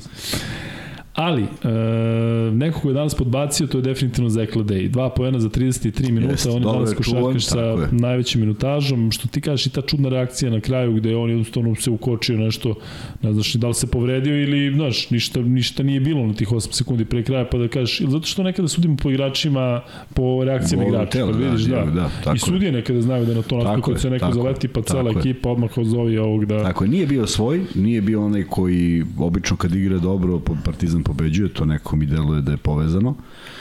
Nije on radio loš deo u odbrani loš posao, jeste napravio neke faulove u želji da pomogne, ali je zaista bio dobro čuvan. Sve ono što je on davao ono, jednom rukom kad digne bio daleko od koša, yes. predaleko od koša. Ali znao i to ranije da pogleda. A i danas smo jedno ona izašla iz koša. Izašla, da. da. Ali nije, nije, bio, nije bio, čak nije bio ni u pozicijama za šut onim, na, na, na kapici što se trojke da. tiče, tako da su dobro skautirali i dobro su ga čuvali i tamo su na toj poziciji prilično dobri i snažni igrači, tako da oni su se smenjivali, on, imao, on nije baš mogao da bira mnogo. Danil igrao manje, ali je dao isto samo dva pojena kao i Lade i od njega smo definitivno očekivali da, više. Nije da. mnogo ni šutirao, 1 da. 2 za 2, 0 2 za 3 kada je vidio da ne može da ubaci Ali on je otvorio to ovom trojkom koju je promašio potpuno Jest. sam i već je onda već, zašto tako krene kod igrača, ali deluje da neki igrači tako kad otvore jako teško se vraćaju. Um, U trećoj četvrtini ušao Aleksa Vramović, odigrao ukupno 7 minuta, dao ona dva poena i Jeste, jedan skok je... imao, igrao tu odbranu agresivno. Ja sam juče pričao da bih volao njega da vidim na Vilbekinu od početka da ga, da ga izbacuje iz ritma. Međutim, Panter je ušao u tu neku junjevu sa Vilbekinom i jako dobro se nosio. Panter je danas po statistici bio bolji od Vilbekina, ali ne volim to sad ovaj da trojku, pa ovaj da trojku, pa s njih nešto da, gledaju. Da. To je privatizovanje utakmice i onako akcija na tem duelu. To su rani imali Dion Waiters, ti to ne... Kako da ne, on, on mi je ostao u sećanju. Dion Waiters i Tim Hardaway Jr. Nisi gledao? Ne. Pokažu ti to, poslaću ti klip. E, ali dobro, ili imamo nešto oko Aleksa Vramovića da dodamo, nije bilo previše I vremena da, da nešto. dodam, da, nije, nije previše vremena, otvara utakmicu falom, nažalost, od želja da, da, da spreči. I eto, to su možda ta tri onda, poena. I onda ono, ono što ne sme da radi, on sad više nije igrač koji ima 21 godinu, uh, on je otišao na ulaz zato što je izgubio loptu u prethodnom napadu. Nije otišao na ulaz zato što je to bila idealna situacija. Znači, on je sad želeo da poništi tu grešku koju je napravio u lošem dodavanju. To obično, to obično ide još gore. Znači, ne sme da ti bude, da. ne sme da ti razlog zašto sam sad krenuo na koš bude, sad ću da se ispravim. To je ono ko kad kockari hoće da se vade, znaš, upravo ti ga pukneš, sad ću da im I to ja, se desilo danas, ta lopta se prevarila. On, je, on ima odličan ulaz, ali ono je bilo, ja, e, pazi, niko od njegovih saigrača ne očekuje to da se desi, nema nikoga na skoku. Uh, ne treba to da radi treba nađe poziciju, treba da koš, treba da ide jako na ulaz. On kad ode na ulaz zaista ima taj, taj lep osjećaj za, za, za, kad izbaci loptu ali ne iz tih motiva. Obično, obično to, to ispadne još gore i onda ti je trener na grbači bez veze. E, da, e, Omar Gabriel Batistuta kaže Luka, to sa Rising Stara jeste pre jedno 6 ili 7 godina, trebalo i da i više. Tada je prešao Harden u Houston pa su oni Durant sa strane to gledali ulazili čeki na teren. Bilo je to interesantno, jedno 4-5 trojki vamo, pa 4-5 trojki tamo, baš su se lepo kidali. U svakom slučaju, to je to što se tiče igrača Partizana Kuzma, pomenuli smo sve, mislim da mi niko nije promakao, da, niko nije promakao. o Madaru smo dakle rekli e, da je bio odličan. sve saberemo, Izvini, za, za Madara nismo rekli statistiku, ali smo pričali o njemu, dakle za 17 minuta 15, 15 pojena, 3, da. 3 od 4 za 2, 2 od 4 za 3, 3 od 3 sa penala, četiri asistencije, dakle danas je baš bio siguran, ali opet to njegovo majstralno prvo poluvreme i onda ne uspeva sam sebe da isprati u drugom i kao što si rekao sam sebe je par puta isekao i, Tako je. i poslao na klup. Kaži kad smo krenuo Hoću da kažem da sve što smo izvukli nema dovoljno kvaliteta za pobedu nad Fenerom. Dakle, pričamo o dva igrača koja su odigrala u jednom izuzetno visokom nivou i ritma i utakmice i svega, a to nije dovoljno. Ovde ipak bilo više, pre svega Gudurić i Pjer a ovi ostali su odradili takođe dobar deo posla, ali je uz sve to, da, da ti sad ne možeš da izdvojiš da kažeš, ej, to je bilo pet vrhunskih uh, igrača večeras, 33-21 u skokovima. To je moralo da bude da bude da bude ostvareno. To je morala bude pobeda, to je po svemu, po svim tim nekim parametrima koje statistika daje. Zašto, zašto ja ne volim statistiku? Zato što te nekad potpuno zbuni kako izgleda.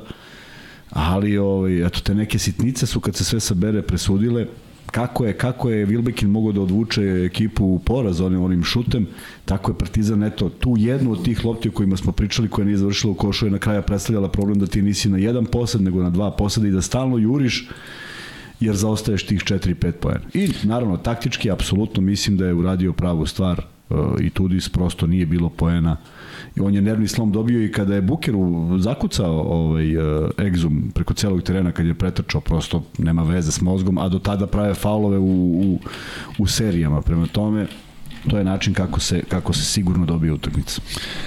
Moramo da pomenemo i Marka Gudurića koji je odigrao verovatno jednu od najboljih partija u Euroligi s obzirom to da imao 25 pojena za 24,5 minuta nepunih 25 minuta, 3 od 5 za 2, 4 od 5 za 3, 7 od 7 sa penala, 2 skoka, 7 asistencija, ni jedna izgubljena, dakle 35 indeks, apsolutno glavni favorit da bude MVP kola, osim ako se nešto, bog da, šta, da, nadesi da, sutra. Da, da. Tako da Gudurić je danas pokidao, ali te iznenadilo to možda Kuzma, ovako, zato što on nije igrao tako brojevi... ni za reprezentaciju, ni za fan ove sezone, u smislu da bude tako siguran. Vidio si ono zakucavanje, dakle on je baš nekako... Evo, nek neko vrati film ako, ako želi da pogleda tu partizanovu pobedu u, u Istanbulu i pogledaj potpuno drugačiji pristup. Forsirao je šut za tri. Forsirao ovde je sve smireno čekao, ovde je svaku poziciju dočekao, ovde je svaki... E, to, je, to, to je ovih 20 dana. Jedino to vidim kao objašnjenje. To je ovih 20 dana da su se sad opet neke kockice složile, da više niko ne juri koš, nego da lopta kruži. Uh, pogodili su prave igrače očigledno jer 9 9 9 od 9 da šutnu dva igrača stvarno ne znam koliko je to koliko je to često s obzirom da ako izuzmemo Wilbekina ne znam ko je šutirao Hayes je šutno jednu dve I to je bilo to, je tako? I da, da, i on je šutno. Dakle, vrlo mali, pazi, 64% za 3. To znači da je malo promaše bilo od, od ostatka ekipe. Ali 5 od 5 Pjera. Do duše bilo 5 od 5 i 5 od 4 od 5. Sam je bio stalno, nema to. E sad kažem, da li je bio rizik I to, se, I to je prihvatljivo, prosto moraš da rizikuješ nešto, ali, ali, ali meni je šok, na primjer, Džekiri je onaj fade away. Pa ono što je pogodio iz onog ugla tamo za mogu da zakače tablu. To, da, to ja, se pitaš. Ali krenulo da krenulo sve da ulazi. Sve, dakle, sve, jednostavno sve. to. Kažeš, ajmo, ajmo sad ponovo, evo imaš da. 10 i svaki koji daš ima da pišemo na semaforu. E, nećemo više dakle pričati o utakmici između Partizana i Fenerbahče. Šteta, bila je velika prilika za jednu lepu prilika. pobedu, za jednu Ali ne treba čajavati tako ne, uzma, ide se ne, dalje, ne, ne. sledeći protivnik je Sad će samo biti gušće, sad će samo biti gušće. Jest. Šteta što nije, jer pričamo, kad god pričamo, ja se vratno ponavljam i neko će sada zna šta hoće da kažem, ali ja uvijek pričam o tim utakmicama kod kuće koliko su važne. Dakle, nemaš ti sad kažeš, ja i pobedili smo na strani, a ne dobiješ dve kod kuće. Možeš se slikaš sa tom jednom na strani. Prema tome, uh, tu je šteta, opet s druge strane, dodatna šteta je što je u, u Istanbulu bilo jedan, da. a ovde je tri, pa si tu negde u minusu, mada stvarno mislim da će da će Fener uh, ipak, ako ovako budu igrali na ovaj način, jer mislim da je Partizan odigranu dobru utakmicu, ja mislim da će oni negde se vrate u onaj ritam i da će oni teško biti sa nekim u krugu 7, 6, 7, 8 mesto. Neko mi deluje da će biti među one prve četiri, ako nastave ovako, naravno. E, kada govoriš o tim pobedama na strani, nije ih bilo večeras u Euroligi. Da, to mi je žao bilo, to mi je bilo žao. Ja sam vidio da su već tri završene i rekao, ajde, 4 od 4. Makabi je pobedio Bayern 90-82, Armani je bio bolji od Panatinikusa 78-76, a Real je se vladao Žalgiris ubedljivo 96-69. Žalgiris je ekipa koja očigledno popušta Panathinaikos je pružio solidnu partiju sa novim trenerom, dakle, znate kakva je situacija sa Radonjićem i odlaskom iz kluba, a Makabi je u neizvesnoj završnici pobedio Bayern, bilo je neizvesnije od ovih e, plus 8 na kraju za Makabi koji je preokrenuo u posljednju četvrtini i dobio je rezultatom 29-15. Kuzma, mislim da je vreme da pređemo na zvezdu i na ono što očekuje crveno-bele sutra. Šta kaže sad? Da, da, vreme je krajnje vreme, čoveč. Zvezda sutra igra prvu utakmicu protiv Albe od 19 časova. Jel um, ovde je to, jednostavno to im ne leži. Koja, da, da, kao to je taj ne, tajnik. samo ne prvu je. Um, Mora da se dobije ova utakmica, Mora, posebno mora, nakon da, kupa, da, da, da. zato što poraz od Albe praktično Ništa. baca zvezdu u poziciju iz koje Opet će verovatno nema zavisi od nekih tih drugih rezultata, ali više sad nema Jeste. gledanja. Ne možeš ti sad gledaš šta se desi kao u dobro. Nema dobro. Ovo je utakmica kod kuće baš kao i ova Partizanova. Alba je savladana posle 200 godina u, u, u, u Nemačkoj. Da nam taj prvi meč znači nešto, u smislu sećam da to bio početak serije Znači prvo zvezda pogodila asfalt, pa onda Da, ta pobeda da. na strani znači samopouzdanje. produžetka, tako Jeste. baš. Znači samopouzdanje u Da. toj neizvesnoj završnici da se Više ne pobedi. razmišljaš onih 0-5, Tako je, da, 0-6, do sad, znaš, sad ti kao krećeš u batalje. nešto novo, tako je, sad krećeš ti i brojiš od danas, kao 1-0, kao, znaš, i šta, sa, sa šansama dođeš do 2. Međutim, Alba će nekom pomrsiti račune, neće Alba sada da sedi 10 kola i da, ono, puste, baš ih briga šta se dešava, pogotovo kad putuju i kad im je bitno i kad im je bitno zbog neke svoje forme i, za svog, i zbog svog prvenstva, nisu osvojili kup, mislim da su imali ambicije da ga osvoje, izgubili su od Bajerna u jednom momentu, Bayern je posle triumfovao, tako da ova sezona mora da se spasi na neki način. Čekat će oni sigurno šampionat Nemačke, ali spasava se sezonu iako nisi neki baš poslednji u Euroligi, nego pružiš neki svoj maksimum. Mada, zaista, ne, ne, ne menja mišljenje o Albi i mogućnostima koje takva igra donosi, eto, pokazalo se, samo ne mora da se pokaže još jednu utakmicu, posle neka remete ove druge. A šta ta rasterećenost konkretno donosi dobroj ekipi? U smislu opušteni si, oni su opušteni pred početak sezone, znaju da Jesu, neće jesu, biti u top stvarno 8. može da bude nešto još još luđe, znaš. I sad e, mislim da je Duško Ivanović spreman da skautira to, ali tu će biti mnogo trčanja i ono što Albi definitivno odgovara to je da ti igraš 23 sekunde i da trošiš vreme i da sve polako i da praviš dobre falove jer Zvezda mora da shvati da može da igra sa Albom na način da seče tu igru. E, Alba je za razliku od Zvezde poražena u kupu, izgubili su Pa da. Bayerna u polufinalu, Polufinalu, da. i bila je to vrlo interesantna utakmica, međutim Bayern je zasluženo prošao dalje i na kraju osvojio um, titulu ovu prvu u sezoni, a Zvezda je, kada pogledamo sve mečeve u okviru ABA, Ligi, Euroligi i Kupa, u jednoj dobroj seriji od šest e, pobjeda, taj triumf protiv Partizana i kasnije protiv Mege, Kuzma bi to moglo da bude jedan novi početak za Zvezdu nakon ipak jednog kriznijeg perioda. Neko delo je da Zvezda i Partizan kada igraju međusobno, pa da to baš onako zna da pogodi ekipu ili da podigne ekipu. Jeste. Šta očekuješ konkretno od e, Zvezde? Ne mislim tu samo na Albu, već u nastavku sezone. Da li, je, da li ti je delo da se vratila ona energija koja je krasila tim kada se pojavi Duško Ivanović? Pa vidi šta se sad desilo. Sad se desilo da se približava taj dan dan M, dan 1. mart. I ovaj I svi su euforični jer je stvarno mislim da je Kampaco u toj utakmici polufinala bez obzira šta pričaju da je ovaj šutirao 18% da je on bio taj koji je pokreta, pokretao Zvezdu u onim momentima i sa dva igrača koja su igrala u paru u, kao trio zajedno na terenu da su jednostavno imali fantastičnu energiju. I naravno svim igračima to prija da vide i da igraju sa takvim igračem, tako da jedva čekaju, a da bi se to desilo i da bi bili konkurentni, onda znaju da moraju da urade ovo. E, Duško Ivanović, verujem da je ne sutradan, nego to veče kad je kup osvojen, objasnio da sledeći korak znači pobeda Možda već na polovremenu. već na polovremenu protiv Albe, ovaj, tako da e, sve, sve, to vraća Zvezdu mnogo daleko. To onda pravi ozbiljan problem. Naravno, ne mislim da je to gotova utakmica tako što se igra u Beogradu. Uh,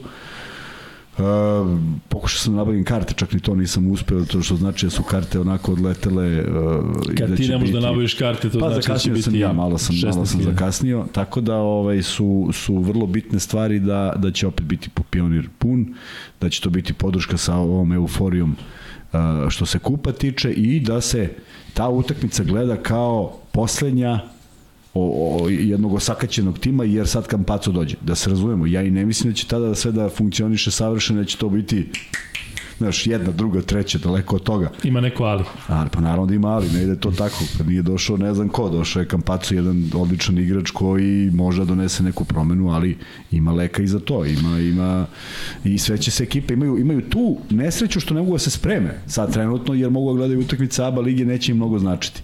Ali ovaj, znaju na koga nailaze, pokušat će da se prisete kako se Kampaco čuva i kako se on zaustavlja. Ovaj mi deluje mi da ima strahovitu energiju i da toliko želi da ovu sezonu učini što trofejnijom, tako da ajmo da vidimo šta će da se desi kada se bude vratio u ekipu. Ja očekujem da to bude kvalitetna ekipa, ali se nadam da oni shvataju ozbiljno situacije i da će svaku utakmicu morati ozbiljno da se pomuče da bi jednu po jednu dobijali. Kako stojimo sa subovima? Subevi. Da im dali ova i novi apel urodio plodom.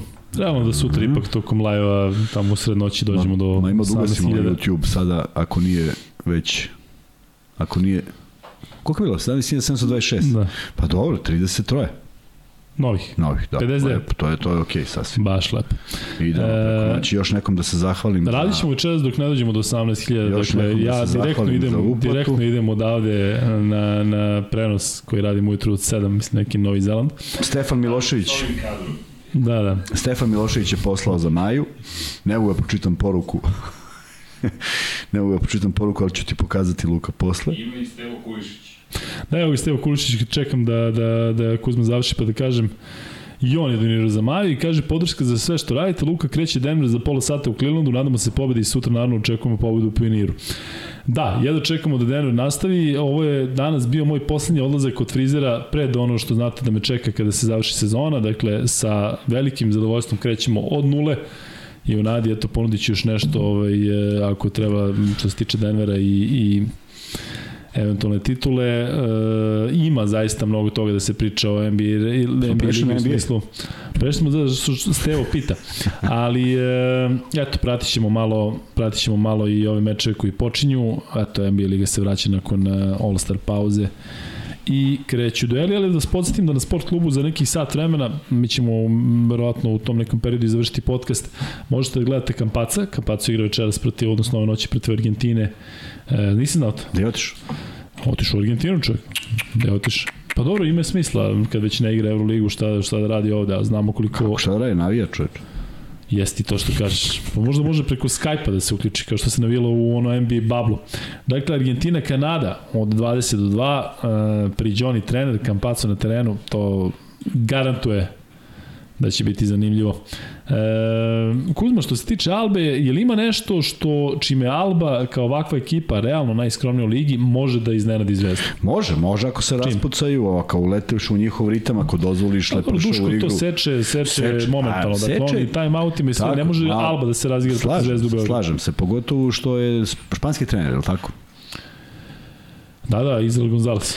I to, to je neki mentalitet koji Duško poznaje i sigurno neće dozvoliti taj način igre i on je sigurno pratio kako igra i Alba sa Aitom ranije i tako dalje, to je vrlo slično. Da, sveća se on rekao kad je došao, on je rekao da, da, pratim Euroligu, pratim sve mečeve i, i pa i Zvezdu, dakle, pa mislim da izgovorio pratim sve mečeve. Da, pa vrlo moguće prati sve mečeve. Vrlo pa gleda, što da ne, pa on je čovjek posvećen. Pa on je došao potpuno pripremljen, ne samo jest, zbog ranije što je on je verovatno pripremljen zato što nikad ne zna šta te, šta te čeka, tako da je on pratio pa ko veli šta se desi. E sad, tu, tu taj rivalitet koji, s obzirom da je on u Španiji pravio najbolje rezultate, sigurno postoji. On želi i dominaciju neku da nastavi u odnosu na španske trenere. Ima tu nekoliko nivoa zbog čega on želi da se pobedite utakmica. Prva je i osnovna ta dva boda i da to bude u onom segmentu kada deluje neverovatno, a on kaže zadovoljan sam utakmicom, a mi onako obični posmatrači konstatujemo da to možda nije bilo najsjajnije u napadu, ali on zadovoljan što su ovi postigli 55 poena i to je to. I to je da. potpuno legitimna stvar, tako da ja bih volao da vidim Zvezdu upravo u tome što si rekao, u sečenju igre, u obstrukciji igre, u faulovima, u nedozvoljavanju da se razigra, u disanju za vrat, u nečemu u čemu lepršava košarka ne može da traje.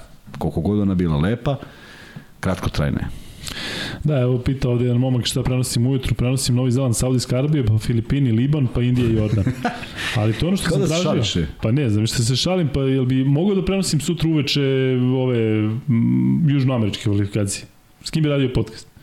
Ljudi učine, ljudi stave tačno kako tražim i tebi opet nije... Ne, ne, super mi je, nego kao da se šališ. Kako nije super, je zvuči, zvuči kao šala, da. Danas sam malo gledao Švajcarska Hrvatska. I? Majko nedelju. Verujem mi, nije ništa za ono azijske. Sala Đorđević. Što bi rekao moj kum Saško, čir na želudac ima da dobije. Pazi, ti ne možeš da veruješ kakvu facu naprave. Pritom te sve kineze znam zato što su igrali CBA i oni se tamo ističu i ti imaš 12 korektnih igrača. Ali kad Sale nešto nekom kaže, a ovaj ga pogleda bukvalno, a, da. Da. Aha, znaš, bukvalno, i nije tu jezička barijera. Ne, to je mentalna kaže, defense, to je... Znaš, ha, tako da mislim da se da će se on mogu nervirati posebno što, što fizički mislim da pojedini igrači nisu spremni za njegovi 40 minuta kidanja. To je taj mod gde ti od prvog do poslednjeg minuta razvaljuješ. I onda se setim, i to mislim da sam je rekao u prenosu, da je taj Kazahstan vodio Darko Russo. I da jednostavno imaš tu toliko veliku razliku između kvaliteta trenera, sada sa Salatom u Kini i sa Rusom u Kazahstanu, toliko velike razlike između trenera i igrača, gde ti jednostavno imaš imaš limit I koliko možeš, da oni mogu, ne možeš preko toga. Možeš preko I šta toga. onda radi te, trener?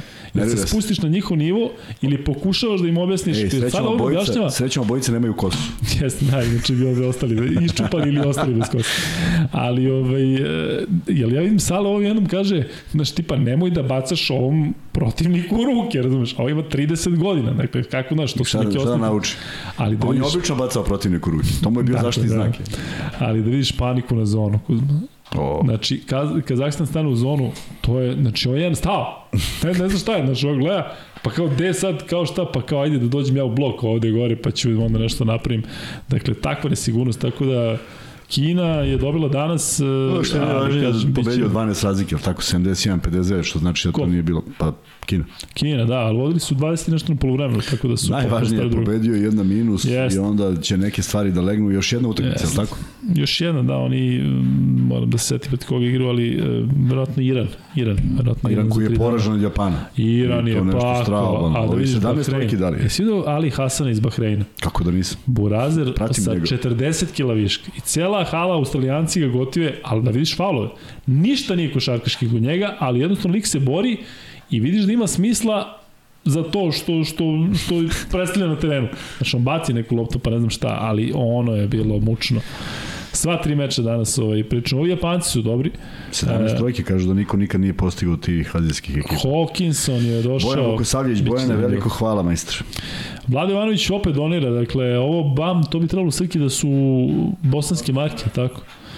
Dakle, pazi Vlado da ovaj, da ne ostaneš bez, bez love, ali hvala ti puno, šal na stranu, zaista ovaj, hvala u Nenadovo i Majno ime. E, Kuzmo, moramo se naravno vratiti na zvezdu, dakle, taj prvi meč je bio onako prilično tvrd i tada su Vildosa i Nedović onako preuzeli odgovornost, pokazali možda da Jest. mogu da igraju zajedno, sećaš se da je Nedović imao neke jako bitne momente, on je i tada šutirao trojke 1 od 7, ali imao neki 20 pojena, imao je 7 asistencija, Vildosa je odigrao svoje, I sada ovo je praktično posljednji meč u Euroligi bez kampaca. Jel treba od tog tandema Vildosa Nedović da očekujemo i sutra najviše, zato što ipak kada vidim Blata, kada vidim tu bekovsku liniju Albe, zaista se podrazumeva da će, da će i Vildosa i, i Nemanja da, da izdominiraju. Da, i onda ih izbaciti iz nekog komfora tih šuteva brzih i brze igre, tu su Lazarević i Lazić, tu je Stefan Marković, tu su svi da oni da po, potpuno ponište tu igru u smislu neka sve traje nekoliko, nek, desetak, 15 sekundi duže, samo da ne bude brzo i samo da oni ne uzimaju pozicije na koje su navikli i s kojih vežbaju. I tu je vrlo bitna stvar. Ne možeš ti da kopiraš neki, neki način igre, prosto ako vežbaš tako, ako vežbaš da šutiraš u punom trku, a oni mi deluju da tako vežbaju i da mnogo manje vežbaju taj pozicioni napad, onda ih treba uvesti u tako nešto. I nisu ekipa koja voli mnogo da brani. Nijedna ekipa ne voli da ne, ne voli.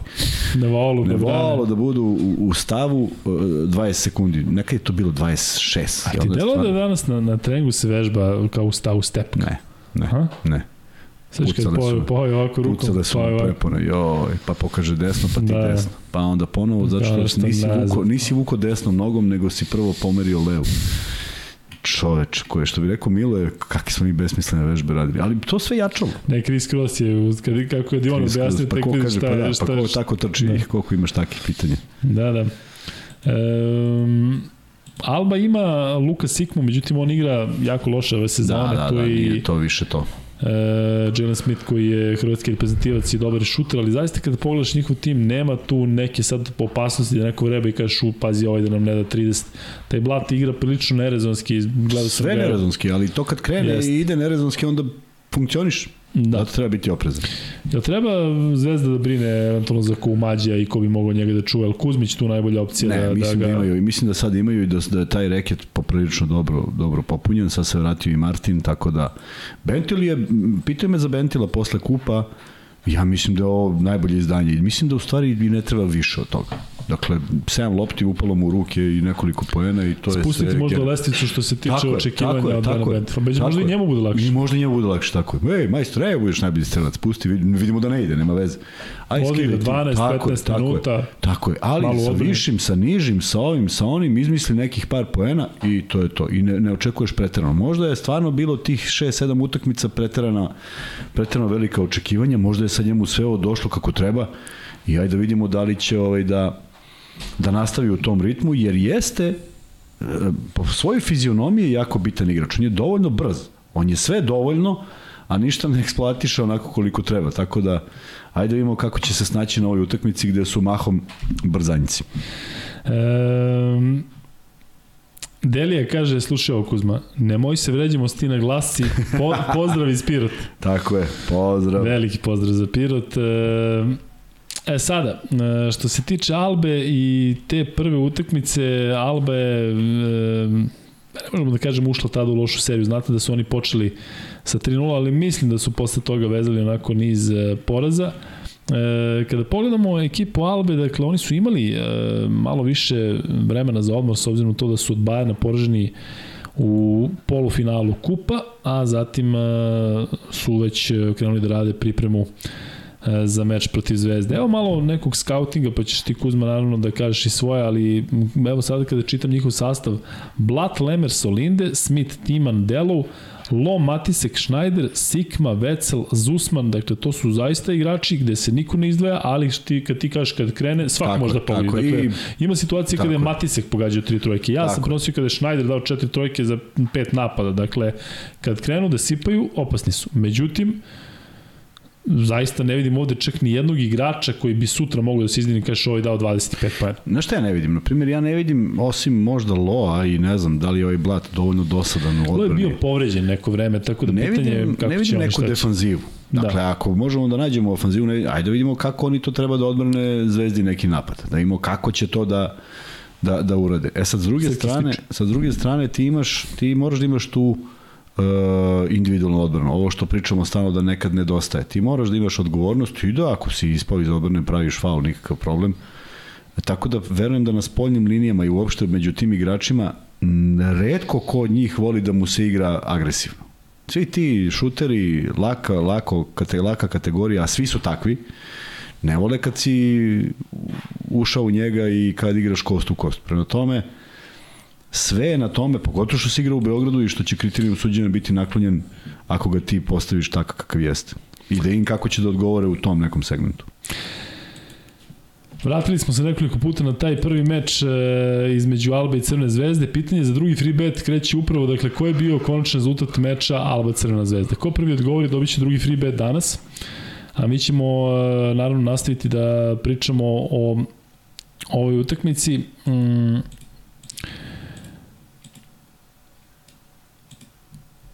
Ili ima nešto Kuzma što se promenilo tokom ovih mečeva na, u kupu, a da nije konkretno samo Bentil gde je možda on pronašao neko mesto koje mu odgovara, što je drugačije e, u odnosu na onaj prethodni deo sezone gde sad možemo da očekujemo još neko poboljšanje ili tako nešto.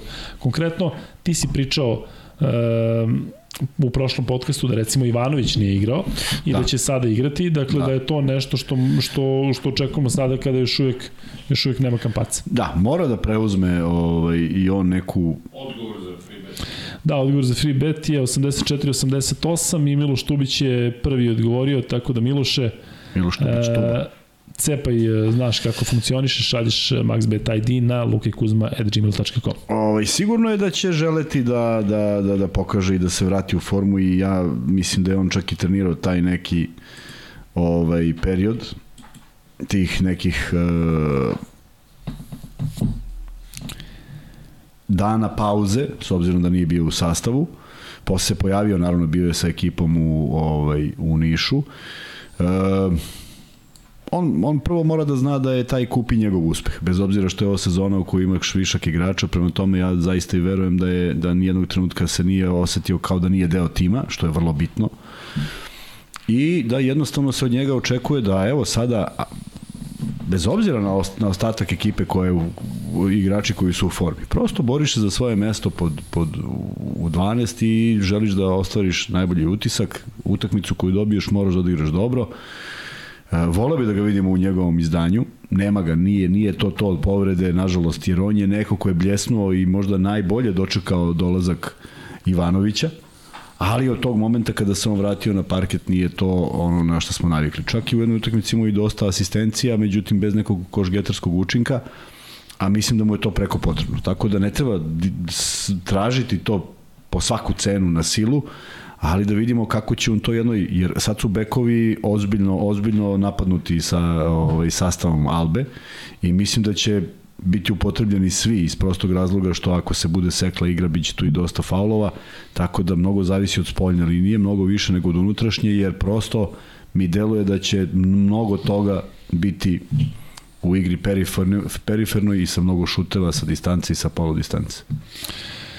E, Kuzma, ti si za Petruševa govorio tokom ove sezone, posle onom periodu kada je proigrao i kada je bio na sjajnom nivou, kako nema nazad. Da li za Nemanju Nedovića isto možemo da kažemo da nema nazad?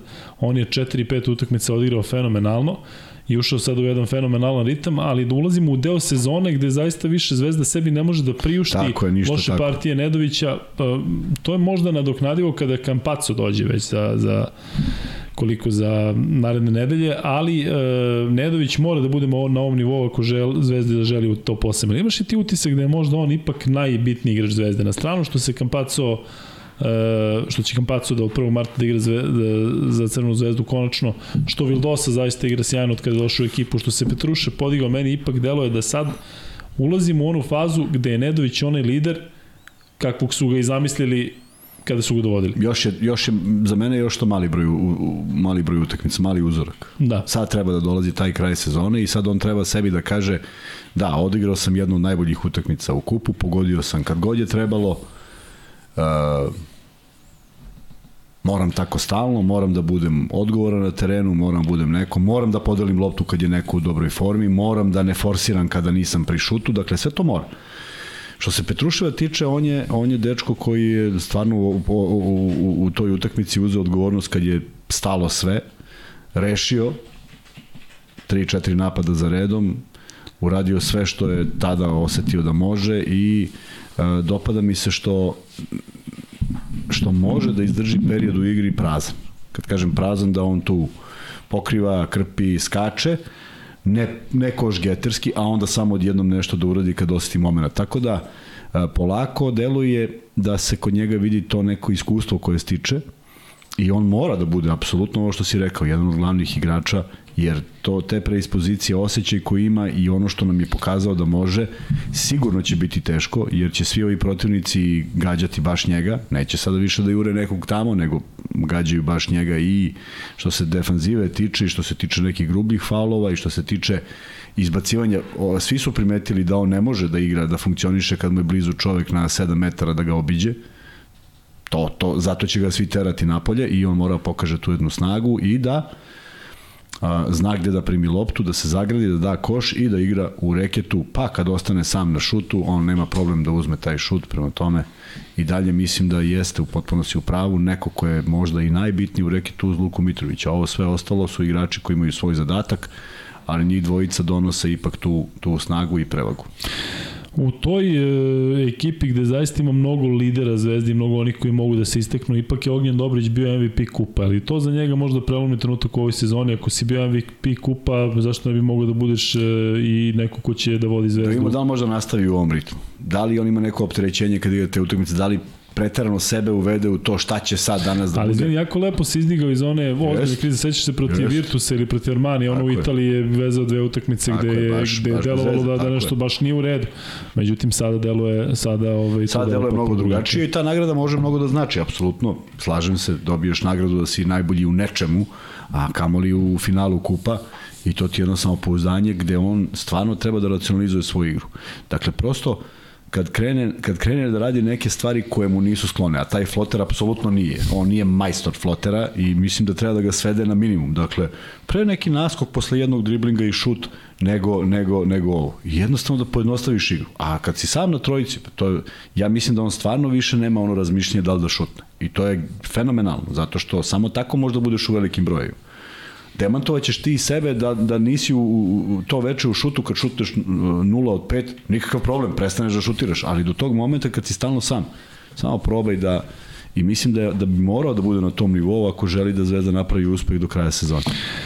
E, Kuzma, Crvena zvezda protiv Albe igra sutra u 19 časova u Hali Pionir, odnosno u Durani Aleksandar Nikolić. Yes. Ti ćeš biti, ili tako, u, u studiju, yes. znaš otprilike od koliko? Od 6, verovatno, sat vremena ranije, jel? Mislim da smo u 20 do 6 tamo. Da, vi znate da sutra imamo 99 yardi u studiju, tako da ćemo mi o Zvezdi i o reprezentaciji pričati kada momci završe. Srki, to je realno negde oko pola 1-1, ili tako? Ali, to je taj standardni, standardni petak termin. E, tako da um, pratite i 99 yardi, dakle ako volite NFL pratite ih sigurno, a ako ne volite NFL možete da upoznate na najbolji način kroz ovaj podcast gde momci koji rade na sport klubu kao komentatori pričaju o završenoj sezoni i eto, um, ako eventualno ne znate, poziv da, da, da podržite i njih. Asvel igra protiv Efesa, Valencia igra protiv Olimpijakosa, sastavio se još Virtus i Baskoni, Barcelona Monako, to bi mogao da bude interesantan meč, vjerojatno derbi ovog e, drugog dana e, kola Evo, Ligi imaš Kuzma nešto od ovih mečeva. Očekujem pobedu Efesa protiv Asfala, ali više nema šta da se čeka. Očekujem i da Olimpijakos bude bolji na strani od uh, Valencije. E, a Virtus i Baskonija bi mogli da odigra jedan interesantan meč gde pa, nas sam teo da, da se lomi. Znaš da smo pričali ovaj, ko je uspeo da, ko, ko nije uspeo u kupu, ko jeste. Pa evo da vidimo, Makabi kao poreženi u finalu je pobedio Bayern osvajača kupa. Armani je ispao, Panathinaikos ispao, pobedio Armani ovo dva razlike, neko je morao da pobedi. Real Madrid je pobedio Žalgiris, Partizan je izgubio od Fenerbahča, a sutra nas čekaju, samo da prebacim, kao samo da prebaci, kao ja znam da prebaci. Kao da prebaciš Ima Zvezda, Zvezda Alba, dakle Zvezda osvajač kupa, Alba koji je ispala u polufinalu. Asvel, šta je uradio Asvel u kupu? Nije osvojio. Nije osvojio, da. ide na Efes koji je isto bio u istoj situaciji kao Fener, vidjet ćemo kako će se na njih odraziti to, da li se kod njih poboljšala situacija. Virtus je poražen, Baskonija je poražena, Valencija je poražena, Olimpijakos je osvajač i Barsa i Monako su podbacili, obe ekipe su podbacile u tom periodu i ovde će biti dosta interesantnih utakmica i nekoga će stvarno ovo kolo možda poslati u drugi plan. Čime je Asfel nije osvojio kup, osvojio protiv Burga. Je Asfel 74, pa da, onda mi stoje. Nego, znaš da je Burg izbacio, da je Monako E, Burg je izbacio pa, Monako. Monako, pa da. zato meni bilo u glavi. E, pa da. dobro, onda Asfel, znači kao osvajač kupa, ali znamo da je Monako podbacio zato što je Barsa i Barsa igraju, igraju jedni protiv drugih, tako da su obe ekipe stale i su više rano za njihove ambicije, ali ne znam da li si pročitao jednu vest da bez obzira na učinak do kraja sezone, vrlo verovatno da će u problemu biti Jasikevičius, što je na neki način Mislim da svi to, očekio. ne mogu da kažem, priželjkujemo, ali neće biti iznenađenje neće ako biti se to nešto desi. Da, ne želim, naravno nikad ne želim, da. ali prosto neće biti iznenađenje po svega što smo videli. Ispravio sam se pre vas, dakle, da ponovimo Asvel svoju kupu u Francuskoj i Tenerife su osvojili kupu u Španiji. E, fantastičnom u, u, u utakmicom u finalu i plus 30 protiv Unikahi. Opet zezaš. Pa, moram malo. E, idemo dalje i sada ćemo naravno da pređemo na ono što nas očekuje sve zajedno sutra, a to sutra već danas, pošto smo ušli u petak. Dakle, reprezentacija Srbije igra protiv Grčke, pa ne znam da li da kažemo najbitniji meč ove sezone, zato što ima popravnog protiv Velike Britanije, dakle to mora da se dobije, ali Kuzma, e, protiv ovakve reprezentacije Grčke, koju neće voditi Dimitri Situdis, e, Srbija zaista sa jednom ozbiljnom pa ne mogu da kažem samo petorkom, ali kada pomisliš da su tu Davidovac, Milutinov, e, Jović, Kuriđa, Ristić, Jaramaz, to je i više nego da imaš, da, imaš evroligaške igrače, mislim. A pritom Grčka nema motiv, u smislu prošli su dalje, završili su ne posao. Ne samo motiv, nego imaš jednu obavezu kad se nađeš u tom sastavu da odigraš jednu dobru utakmicu. Oni su imali prijateljsku utakmicu koju su naravno što je potpuno razumljivo da malo prođu neke akcije, nije tu važno ko je pobedio i ko je dao koliko poena, nego da ti malo ipak znaš gde ko se kreće i ko šta radi. Ovaj, tako da imamo jedan respektabilan sastav koji mi deluje mnogo kvalitetniji od Grčkog, što ništa ne prejudiciram i ovi momci koji igraju za Grčku, pitanje je kada oni igraju za Grčku i inače i ponovo, pa će oni učiniti sve da taj meč... Izvini, od ovih momaka koji su na, pro, na rosteru sutra, ako se ne varam, dvoje ili troje je bilo u, u rosteru na meču u Beogradu. Pa eto. Dakle, to, to je bio, je. da kažem, tako kompletan tim Grčke, tako ovo je sada jedna bela. Ovo je potpuno drugačije, i, ali oni traže neku svoju satisfakciju i žele da pokažu nešto. Prema tome, kako se zvao onaj iz Panatenikosa što je, što je demolirao zvezdu bio prošle godine? Znaš, on je potpuno nepoznati momčić koji je briljirao. E, pa tako će ovaj, nije ni važno. Nika Licakis. Nije. Tako će jedan, jedan pa centrić. nije tada jedan centrić. Ne znam kako se, ali nije ni važno. E, tako svako ima neki motiv da, kad vidi Milutinova, pa naravno ćeš da odigraš onako najbolje što možeš, sigurno nećeš da odeš i kažeš, ej, znate šta, ja ne bih da igram. E, tako da treba imati respekt prema toj ekipi, jer to su momci koji traže svoju šansu, žele da se nametnu, želu da želu. Ko što malo pre volu, želu, molu, da želu. Da budu ovaj, na, na, na svetskom prvenstvu, da se nametnu, da budu među 12, znaju da su šanse male, ali ovo je prilika da igraš za nacionalni tim ako vidimo stav Gudurića koji kaže da igra obe utakmice i da on ima taj stav, zamisli kako je to nekom momčiću koji je ušao u, sad u reprezentaciju. Dobro, ne može da igra obe utakmice tako, igra, ne igra sutra protiv... Što ne igra? Kaže da je tu, ostaje u Beogradu i igra, a, ostaje za protiv Britanije, da, da, da. Ne može da putuje. Čeka, čeka Britanci. Čeka Britanci, tako je. Da, ali još jednom kažem, sa, sa Kuriđom, sa Jovićem, Svi sa Ristićem koji je ovo, sa Davidovac i Milutinom biće lepo i videti ih. Tako je. I tako tu je Jaramaz, za koga ne znam pa zašto ga pustili, zašto on nije igrao sad ovaj kup jer je povređen. Dakle, ima nešto, neki razlog postoji, hvala Bajernu, da. ali e, eto, to je i više nego pristojna ekipa protiv skromnih Grka, mislim da Srbija ima veliku šansu da, da već ovaj meč sutra, dobije i onda je. da lepo protiv Britanije to bude jedna fešta, da, da, da dođu ljudi da ih pozdrave, zato što m, se nadam da će to da ih pozdrave, tako je.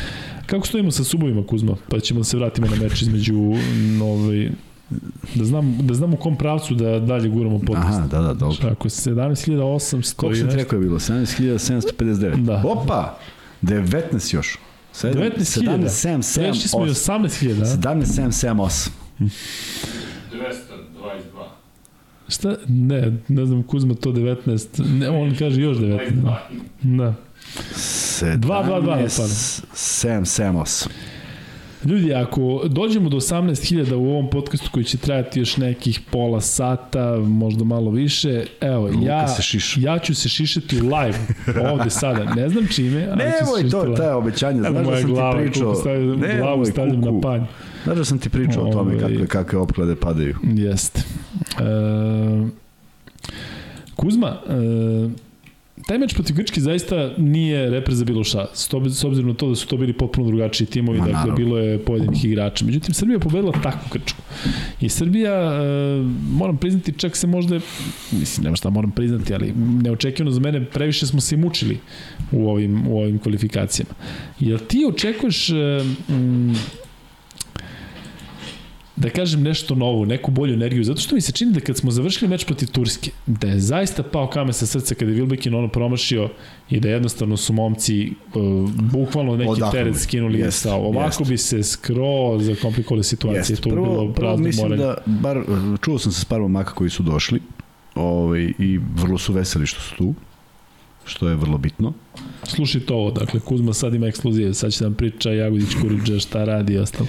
I ovaj, vrlo, su, vrlo su srećni što su ovde, dakle, nisu došli zato što ih je neko primorao, niti se osjećaju tako, jednostavno uh, Kuriđa je dao intervju negde, kaže imam 36 godine, kad god pozovu ja ću da dođem, prema tome to je za svako poštovanje.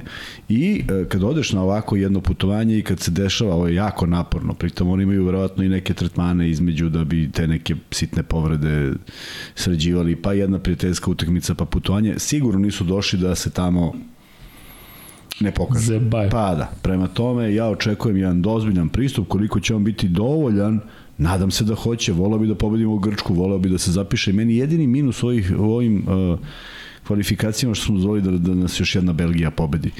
Znaš, nemam ja baš, ne mislim da su oni neki majstori košarkaški. Ali su tim koji je igrao u istom sastavu sve, sve, sve stoji, ali nisu morali, onu utakmicu nisu, nisu uopšte nisu morali. Na tu utakmicu i mislim, na njihovom terenu džene džene. Ali ono sa strujom i sa da, bilo mučno. Sve je bilo naopako, tako da i ta utakmica završena naopako ali evo sad prilike da, da te stvari završimo pre roka, dakle da ne čekamo tu utakmicu protiv, protiv Britanije kao Znaš, e, znaš ono jedne godine kad smo dobili Britaniju pa smo se plasili, ovako će mnogo lepše da zvuči dobili Grčku ko će se seća sastava, tako da je svaka pobeda nad Grčkom dobra sama po sebi, a onda onda jedan revijalni meč gde naravno opet ne treba podbaciti, ne treba biti neozbiljan, ne treba se tu šaliti, nego jednostavno pokazati toj Britaniji zato što svaki taj nukleus kad napraviš da misliš da neko možete pobediti, on te stvarno jednom i stigne. Ne treba da, da uopšte imaju iluzija da mogu da stignu i zaista se nadam da smo sposobni da napravimo dve pobede kojima smo potpuno zadovoljni posle svega što je bilo pre samo dve utakmice.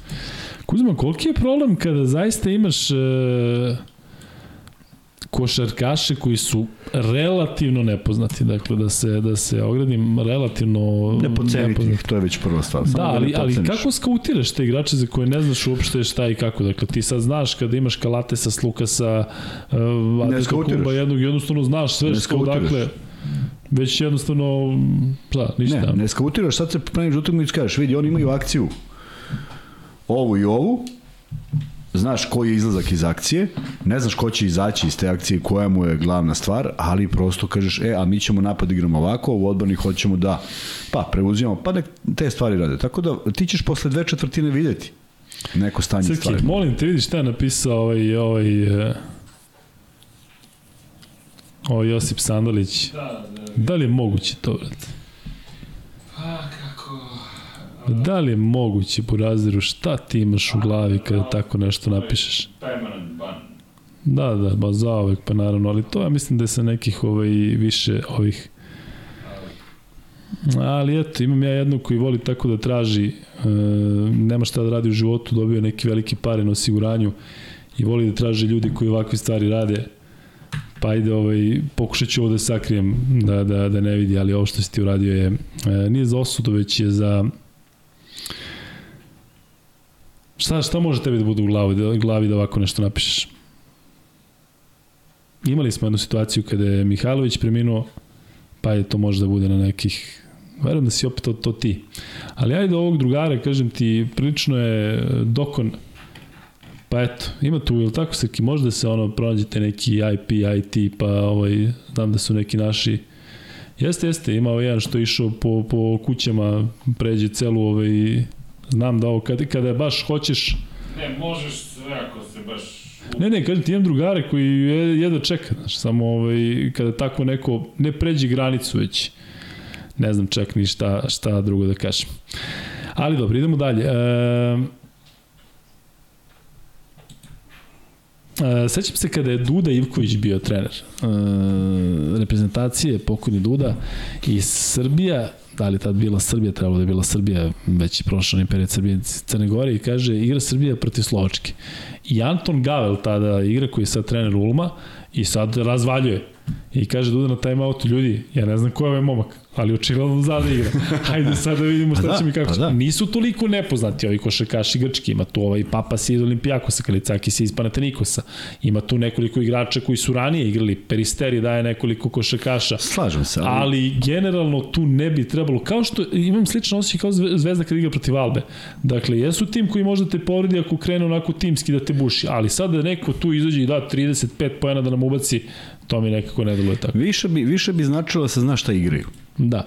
Eto to kad bi, ja mislim da to je taj deo znaju, pošto i Tudis ne može sad da ne znam promeni ovaj, ne znam koliko stvari u ovih nekoliko dana, pogotovo što mora neke osnovne stvari da pokaže tim igračima, jer prosto ne idu neke prezahtevne. Ne može on da se sad prebaci na nivo Evrolige sa tim igračima, tako da ovaj, samo da se zna šta se igra i da se ne ispada iz odbrane i da svi budu kao jedan. I to je to. Ti već vidiš da li ima hemija na parketu i ako svi to rade, ne sumnjam da će biti dobar rezultat prema tome držimo im palčeve da taj dolazak, sav napor, svi su došli sa različitih strana, sve to iziskuje određenu energiju, snagu, A obično ljudi kažu, pa e, plaćeni su. E, za ovo nisu plaćeni. To je najjače, najjače od svega što ljudi moraju da shvate. Za ovo apsolutno nisu plaćeni.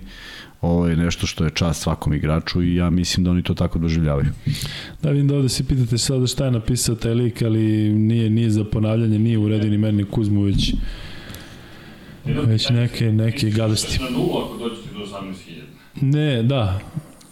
Dobro. može da stavim na anketu, da li želite da se Luka Ne, ne, ja Ne, već išao moj na nulu Luka, zbog čoveče, Denvera, čuti, dakle, bre. nego je ovo bilo u live-u, ali koliko, Ne. dugo, nemoj se Kuzma, da nemoj sad da je blizu 18 da zatvoramo emisiju, nemo, nemo čime da se šiša. Da Nije srećan. da jednako klik na subscribe, ne jednako Da, možda bude dobra fora, ali dajde se ne igramo, kažem ti, sad ispuni se tih 18.000, nemo mašinicu.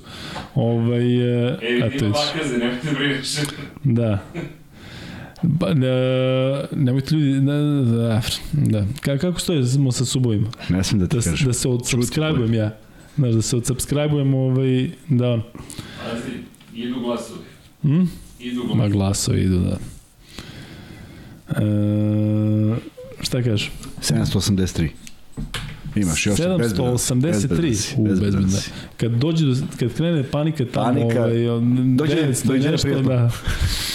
e, ali znate da nulorica sledi, ovaj, glupo mi bilo da se šišamo, šišao bi se ja za sutra na, na ćelo, nego sam danas Nego platio šišanje, ide mi isto kod sutra čoveka misli da ga sprdam. Ovaj, e, to je dobar frizer, koga ja idem, dobar tip, vrlo pedantan, kao što vidite po mojoj frizuri, razvalje. Smo ne primetili se. Da, da, pa ne, od, od slušalica. Majstor od slušalica, da. On sakrije svoje, svoje Sa, da, da, to, to je neprimetno. E, Kuzma, Molim. e, Srbija ako... E, ako dobije ovaj meč ide na svetsko prvenstvo, koliko je rano sada praviti bilo kakve projekcije da je Srbija kompletna šta bi mogla da uradi na svetskom prvenstvu. Ja pratim sada sve ove kvalifikacije, prenosim neke mečeve i zaista se svašta dešava i imamo potpuno onako nekako drugačiji drugačiju situaciju nego ranije gde si ti znao da su Amerikanci potpuno ovaj, sigurni dominantni, sad ti ne možeš da otpišeš Španiju. Grčka sad te tu kumpu. Slovenija sa, sa Lukom. Francuska takva kakva je možda sa Embidom. Jel se nekako menja uh, to težište gde se ranije znalo Amerikanci pa svi drugi, a sada jednostavno su oni posle, posle 2019. posle toliko nekih njihovih loših rezultata, posebno kada znamo da, da ne računaju svetsko prvenstvo, E, jel sada možda se nazire ko bi tu mogao da bude favori, šta bi moglo da se desi, ali što se tiče Srbije konkretno, e, mi ćemo proći na to svetsko prvenstvo, da sam siguran, da li sutra protiv Grčke ili protiv Britanije. Jel mi tu možemo da se nadamo iskreno nekim najvećim dometima ili ćemo kao i mi što obično kažemo da Srbija će biti sigurno prva, pa ne znam šta. Možemo. Ja, ja, sam, ja sam nešto super ubeđen, super uzbuđen, a opet bio sam super uzbuđen i pred evropskom prvenstvom, pa vidiš kako Ali da ti kažem, samo je pitanje šta posmatramo kao uspeh. Dakle, ako si nabrojao sve reprezentacije koje si nabrojao, uh, tu će biti malo sreće ko s kim, gde, u kojoj grupi, ko s kim ukršta, tako da se desi da se ne, ne, ne nađeš nekim ko je možda u dobroj formi, ali zaista mislim da imamo na papiru sastav koji je vrlo respektabilan, koji može do visokih dometa. E sad samo treba odvojiti ja bih volao da zovem da nazovem plasman na olimpijske igre pošto je svetsko za olimpijske, je tako? Da je to uspeh. Šta ti je generalno uh, ti sada, Vlada Kuzmanović sedne pred televizor i više voli da gleda Srbiju na olimpijskim igrama na svetskom prvenstvu? Gde je to negde Nemam razliku. tvojim? Nemam razliku. Mislim da, mislim da uh, uvek sam doživljavao evropsko kao najjače takmičenje, bez obzira što su ovde ovaj, Amerikanci i što su dolazili kvalitetni Argentinci. Ovo sve ostalo je nekako bilo... Evropsko je bilo to koje je bilo teško.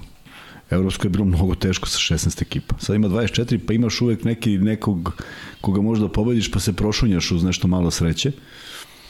Ovaj, Znaš šta je meni što mi A smeta? olimpijske igre su naj, naj ono, to je još uvek olimpijski, mi smo svi Da. zajedno, svi se takmičimo, svuda isto, sve lepo, znaš, veliki rezultati, A jel velika ti razlika. smete to što evropsko prvenstvo ta, u takvom formatu traje duže nego svetsko prvenstvo? Imaš evropske selekcije, to traje koliko traje, skoro mesec, tri nedelje, a ovo će trajati Pa 15 ne smeta dana. mi, znaš zašto mi ne smeta? Zato što ako, ako prvo meni smeta da se ovaj svetsko prvenstvo više ne zove svetsko prvenstvo. Sad ja pričam o nekim svojim potpunim ličnim doživljajima, zato što smatraju da je svetsko prvenstvo NBA, je li tako?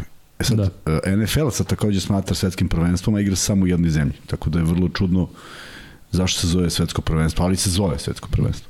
Srki, vidiš da te ovde pitaju u, u live-u da li će biti MotoGP podcast sutra, taman možeš malo da se dopisuješ sa njima. E, vidi, e, sutra, sutra imamo garažu, vidjet ćemo da ćemo uspeti sve da spakujemo.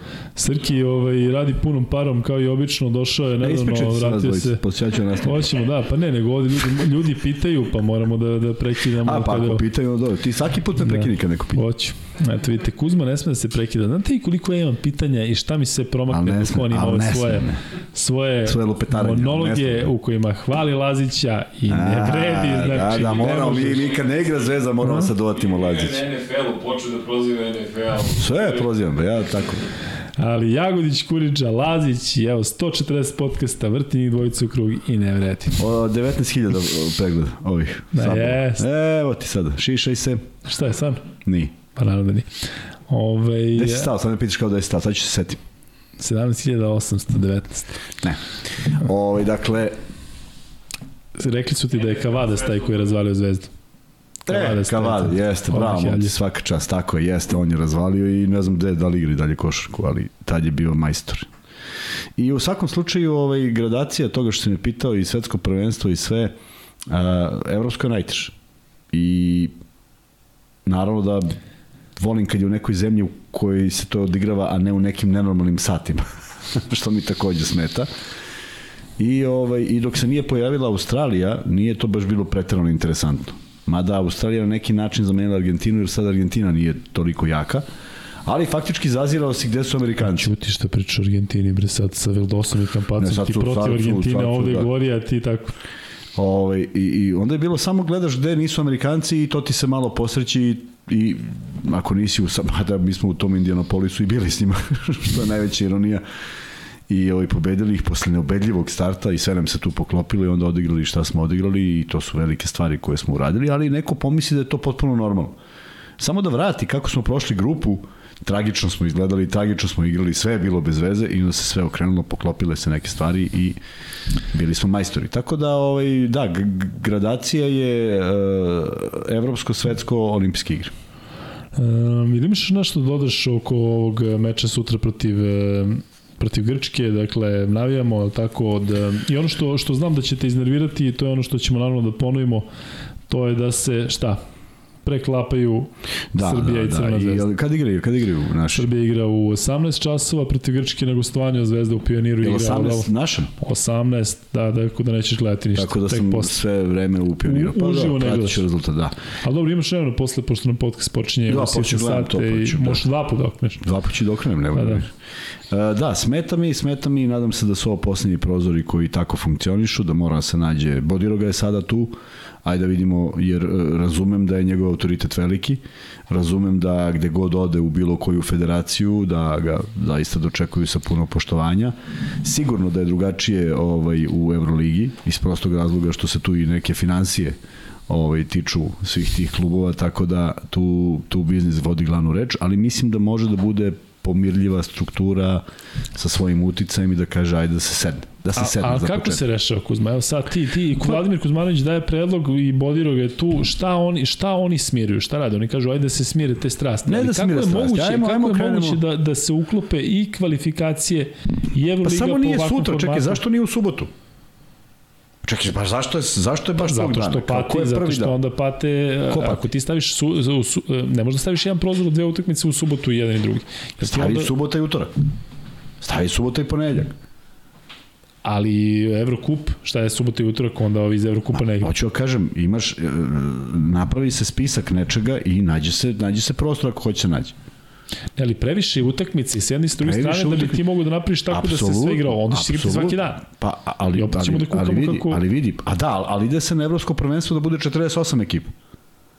Jel postoje kvalifikacije ili svi idu? Ako postoje kvalifikacije, zamisli obim kvalifikacija toga, tek to ne može da se igra. Mnogo toga nedefinisanog. Euroliga hoće po svaku cenu da proširi za dva. Gde da ih ubaciš? U koji dan da ih ubaciš? Pa jedan četvrtak se nije igrala Euroliga zato što je bio kup. Ono kad smo se iznenadili, kad Pa da. smo u 9, Pa da, nikom koja su još to dva četvrtka koje su slobodne? Ajde, ajde da kažeš da imaš kup, jel tako? Kad, je, kad su još to? Još dve duple nedelje? Pa to će da bude potpuno besmisleno i još ubaciš prozore. Ali ajde da verujemo da tamo ima nekih pametnijih ljudi koji će se naći i reći ajde nađemo neko rešenje, zato što sami prozori po sebi, evo, ovi konkretno prozori, ono čime je FIBA bila oduševljena, to je broj navijača na utakmicama. Jest, bili su na Bosna Crna Gora, jer je meč odlučivao i bili su u Tuzli u kojoj ne znam koliko se često možda igraju mečevi, pa im je to bilo onako spektakl. Na drugim mečima nije bilo ni približno tako. Ali na čega se bojim? Da i jedni i drugi su u fuzonu, pa super, nama ovo funkcioniš. Mi Euroligu gru, gruvamo ovo non stop paklene nedelje. FIBA, kao što ti kažeš, eto, bilo je ovamo puno. Pa- pa znaš Igraju, kako? naravno da nema, nikada neće biti puni sastavi tokom uh, sezone kada imaš toliko igrača u NBA ligi. Dakle, ti si, oni su žrtvovali sada i evroligaški igrači i ovo su sada neki alternativni sastavi, ali kao što kažeš, ja mislim da FIBA kada sede, njihov bord kada sede, kaže, dobar smo posle to jeste da- najveći problem. Pa šta onda ima da se mire kad su jedni drugi Pa, zadovoljni? zato što zato što bi morali da se čuju glasovi košarkaških nacija. Da. FIBU interesuju koša, glasovi ne košarkaških pošto ih je više i pošto se glas računa 1 prema 1, bolje da imaš 100 neko šarkaških nego ovi da te nešto vole ovih 25-6 zemalja i što se oni meni tu nešto pričaju kad ja imam podršku ovih. Imaš podršku zato što se desi da neka mala zemlja izbaci veliku na pravdi Boga i na pravdi toga što, što imaju mnogo dobre igrače koji ne mogu da igraju. A ti koju god ekipu da napraviš, ekipa kada se uigra, ona je ekipa, ne zove se ekipa za džabe. To može da bude 12 prosečnih igrača koji će u tom trenutku pobediti 12 kvalitetnijih koji su se prvi put okupili. Tako da sve ide na ruku tim manjim zemljama, ja ne vidim da je to dobro za košarku, ali u FIBI postoje neki ljudi koji to vide. Nisu mi jasni, nije mi mnogo toga jasno, ali ovaj, vidim da neki za koje smatram da su kredibil, imaju veći kredibilitet od mene i da negde kotiraju se bolje, ne mogu da promene te stvari, pa mislim, mogu ja da pričam šta god hoću. Ili ima neko ko ima veći kredibilitet od tebe? Nema, to sam samo rekao onako bez veze. Tek da, da zbog njih. Tako, da, Da, da, misli... im bude, da, da samo pomisle ako gledaju ovaj podcast, da. Da. gledaju, nego svi lažu da ne gledaju, znaš, to je najjače. Jeste, da pomenemo da um, sutra takođe, ali opet kažem danas, se igra još mečeva u e, Eurozoni kvalifikacije. Izrael, Finska, Estonija, Slovenija, Grčka, Srbija, Turska, Letonija, Nemačka, Švedska i Hrvatska, odnosno Velika Britanija, Belgija, Hrvatska igrala kao što si rekao ovim predkvalifikacijama u Evropi, ali eto ljudi su ovde čak i pitali e, da li možemo da prokomentarišemo taj meč između E, Bosne i Hercegovine i Crne Gore. E, Bosna i Hercegovina je pobedila danas sam gledao, 74-66. Jesi, tu je velika borba za to poslednje mesto koje vodi iz Jeste. grupe i ko će... Ali trebala neka velika pobeda Bosne. Jeste, trebalo zato što su izgubili velikom razlikom ovamo, tako da... E, E, stanje zna na tabeli- nešto bolje. pa zna se da jedni i drugi sad imaju isti skor, ali je na tabeli e, Crna prva Gora Crna. Gora i jedni i drugi imaju skor 6-5. Francuske i Litvanije su odavno Plasirani, obezbedili da. plasman. E i sada ono što, što sleduje, to je za tri dana Crna Gora igra e, protiv Češke kod kuće. Jel Češka pobedila Francusku? E, kad danas? Da. Češka je izgubila od Francuske i to prilično. Vodili su na početku. Pa verovatno, verovatno na samom početku. A mi je bilo 27, 32, 27, 11. ili da? 32-16 su u jednom momentu, ja mislim. Dakle, Crna Gora trebalo bi da drži e, svoju sudbinu u svojim rukama, a što se tiče Bosne i Hercegovine, Oni idu na neki teži meč, oni idu Francuzima, na primjer. oni pa Francuzima koji se češljaju kao Mađari. Znači, Vrlo jedan težak mađarskim. Francuzima. Da. Protiv Mađarske igraju, a? Da, da. Da, ovde će Crnogorcima biti teže, ali igraju na svom terenu, a Češka više nema šta da traži, tako? Da, Bosna i Mađarska su odigrale e, jako zanimljiv meč na evropskom prvenstvu. Jeste. Sada su ovo pot, potpuno drugačiji sastavi. Tako je. Ali velika borba za svetsko prvenstvo. Evo, vidim da je Porto Riko pobedio Brazil. Upravo tako da, eto, Klavel, Kondit i ovi momci iz Evrokupa doprinili su toj velikoj pobedi protiv Brazila. E, igra se, kažem, i u drugim zonama. Mi ćemo naravno akcent staviti na, na evropsku zonu, ali pozivam vas još jednom da evo već za neki desetak minuta, mi ćemo uskoro i završiti podcast, gledate Kampaca i gledate Argentinu koja igra protiv Kanade, delo da će to biti zanimljivi sastavi. Kuzma, ostalo nam je free bet, ostalo nam je da pomenemo malo o NBA ligu i da evo, Cleveland igra protiv Denvera, javljaju ovde ljudi da Jokića biju, to je ono što sam najavio protiv All Star, očekujte prljave poteze i na taj način će pokušati Jokića da da izbace iz takta, ali uh, igraju se još mečevi Indiana, Boston, Orlando, Detroit i Philadelphia, Memphis. Ti mečevi su počeli, a nešto kasnije tokom noći Toronto, New Orleans, Dallas, San Antonio, da vidimo konačno mogu li da dođu do pobede Kyrie i uh, Luka, Utah, Oklahoma City, Los Angeles Lakers, Golden State i Sacramento, Portland.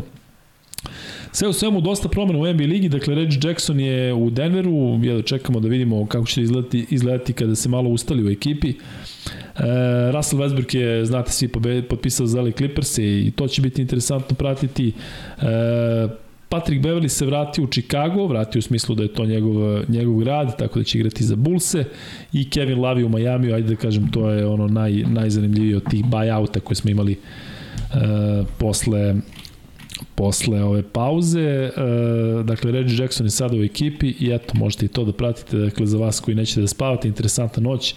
Jokić igra sa Denverom, Campazzo igra sa Argentinom, tako da da će biti interesantno. Kuzma, mi imamo još jedan free bet i imamo da ljudima preporučimo e, našu knjigu, film. A ne, da. ne, preporučili smo za ovu nedelju, ne možemo svaki dan. A šta nisi mislio svaki dan? Ne, nedeljom, ponedjeljkom to radimo, da. Svetit ćemo se nečega, ali sad je više kasno da bismo pričali o muzici i zato mi je nekako ponedjeljak najlepši i mnogo, mnogo dobrih ovaj, vibracija sa, zbog toga što smo počeli to da radimo. Neverovatan broj poruka oko... Da su čitali, gledali, ostalo. Čitali, gledali, daj poslušaj daj poslušaj onda otkrivaš neke stvari koje nismo imali, ne možeš sve da znaš, tako da ovaj, ima mnogo dobre muzike oko nas, ljudi to koji nas prate, prate i to. Ja i ti ćemo ići gde? Spremamo jedan izlazak noćni. Če da kažeš? E, pa da odemo, da, da, da odemo u sredu ovaj, u, u ulica se zove Jazz klub svira Nikola Demonja sa svojim bendom, bio sam juče, bilo je vrlo interesantno. Ićemo zajedno i možete vi da dođete da vidite kako izgleda i da vam se malo družite da sa nama i da poslušate dobru muziku jest. i da vidite kako ja i Kuzma izgledamo kad se napijemo i tamo počnemo da pravimo, uzimamo saksofon. Da, da, izlomimo sve instrumente. Otimamo saksofon.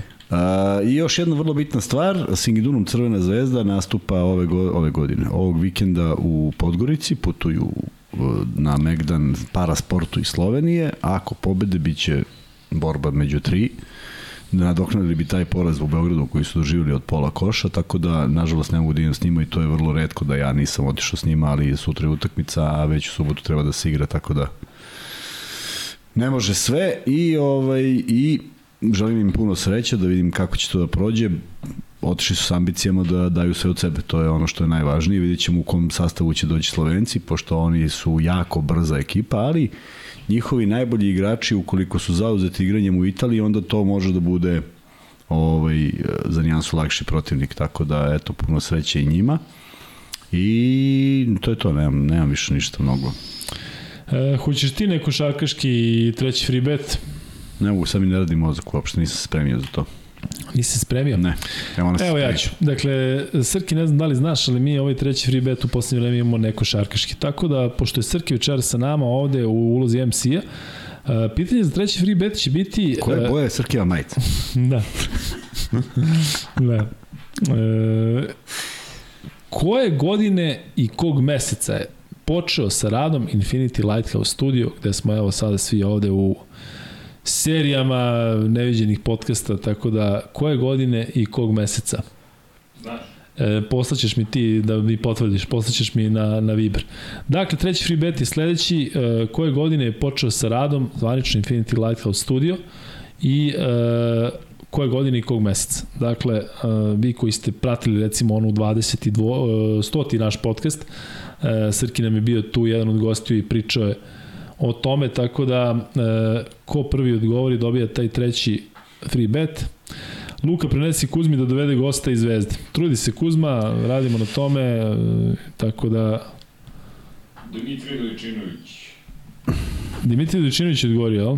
Da. Jeste. Oktobar 2019. godine je toliko bitan mesec za Infinity Lighthouse studiju za sve nas, gde bi bili šta bi radili, ne znamo, ali eto, pre korone, iako su mnogi mislili da je tokom korone bilo. Čekaj, da li studio ili kanal? Kanal je tada otvoren. Neka bude, neka bude da je ovo, da je ovo. Studio je počeo ranije, tako? Ne, studio je počeo, kasnije smo napravili baš studio.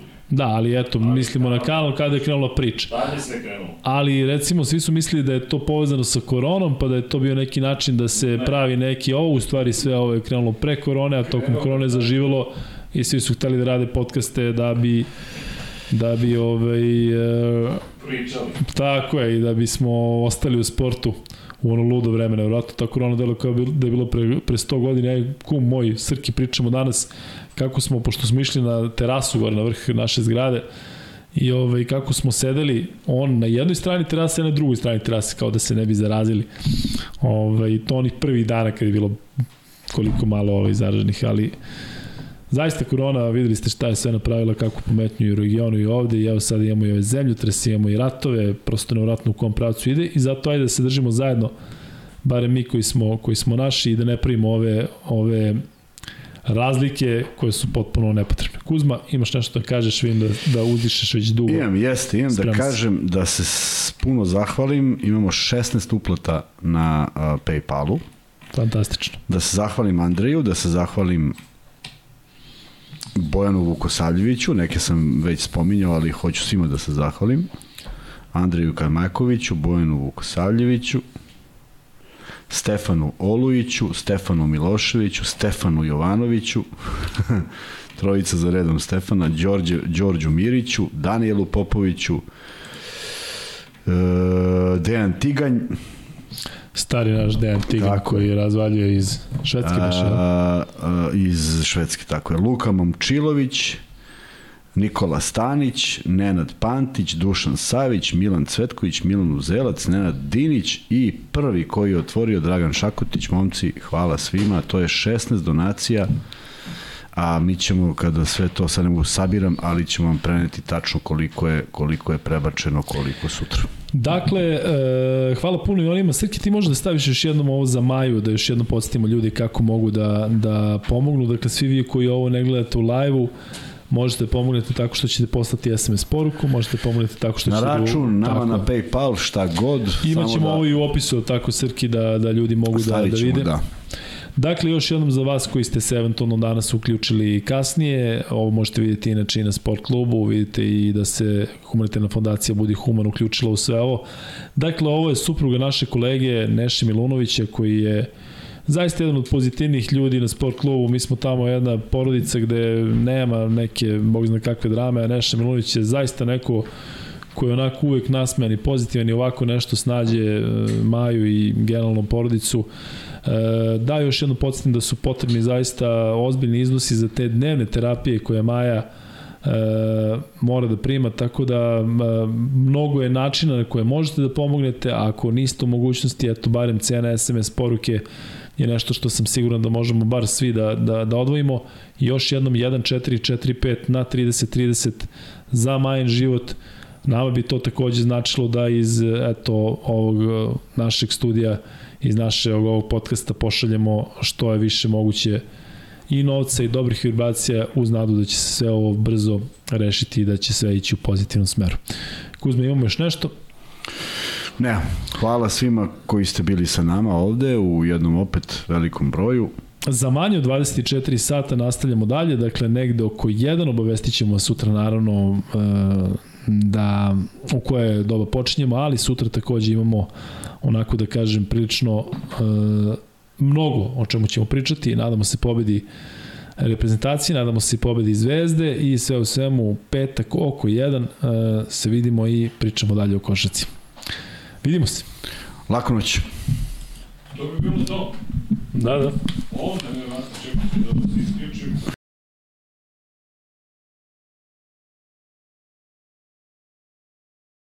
you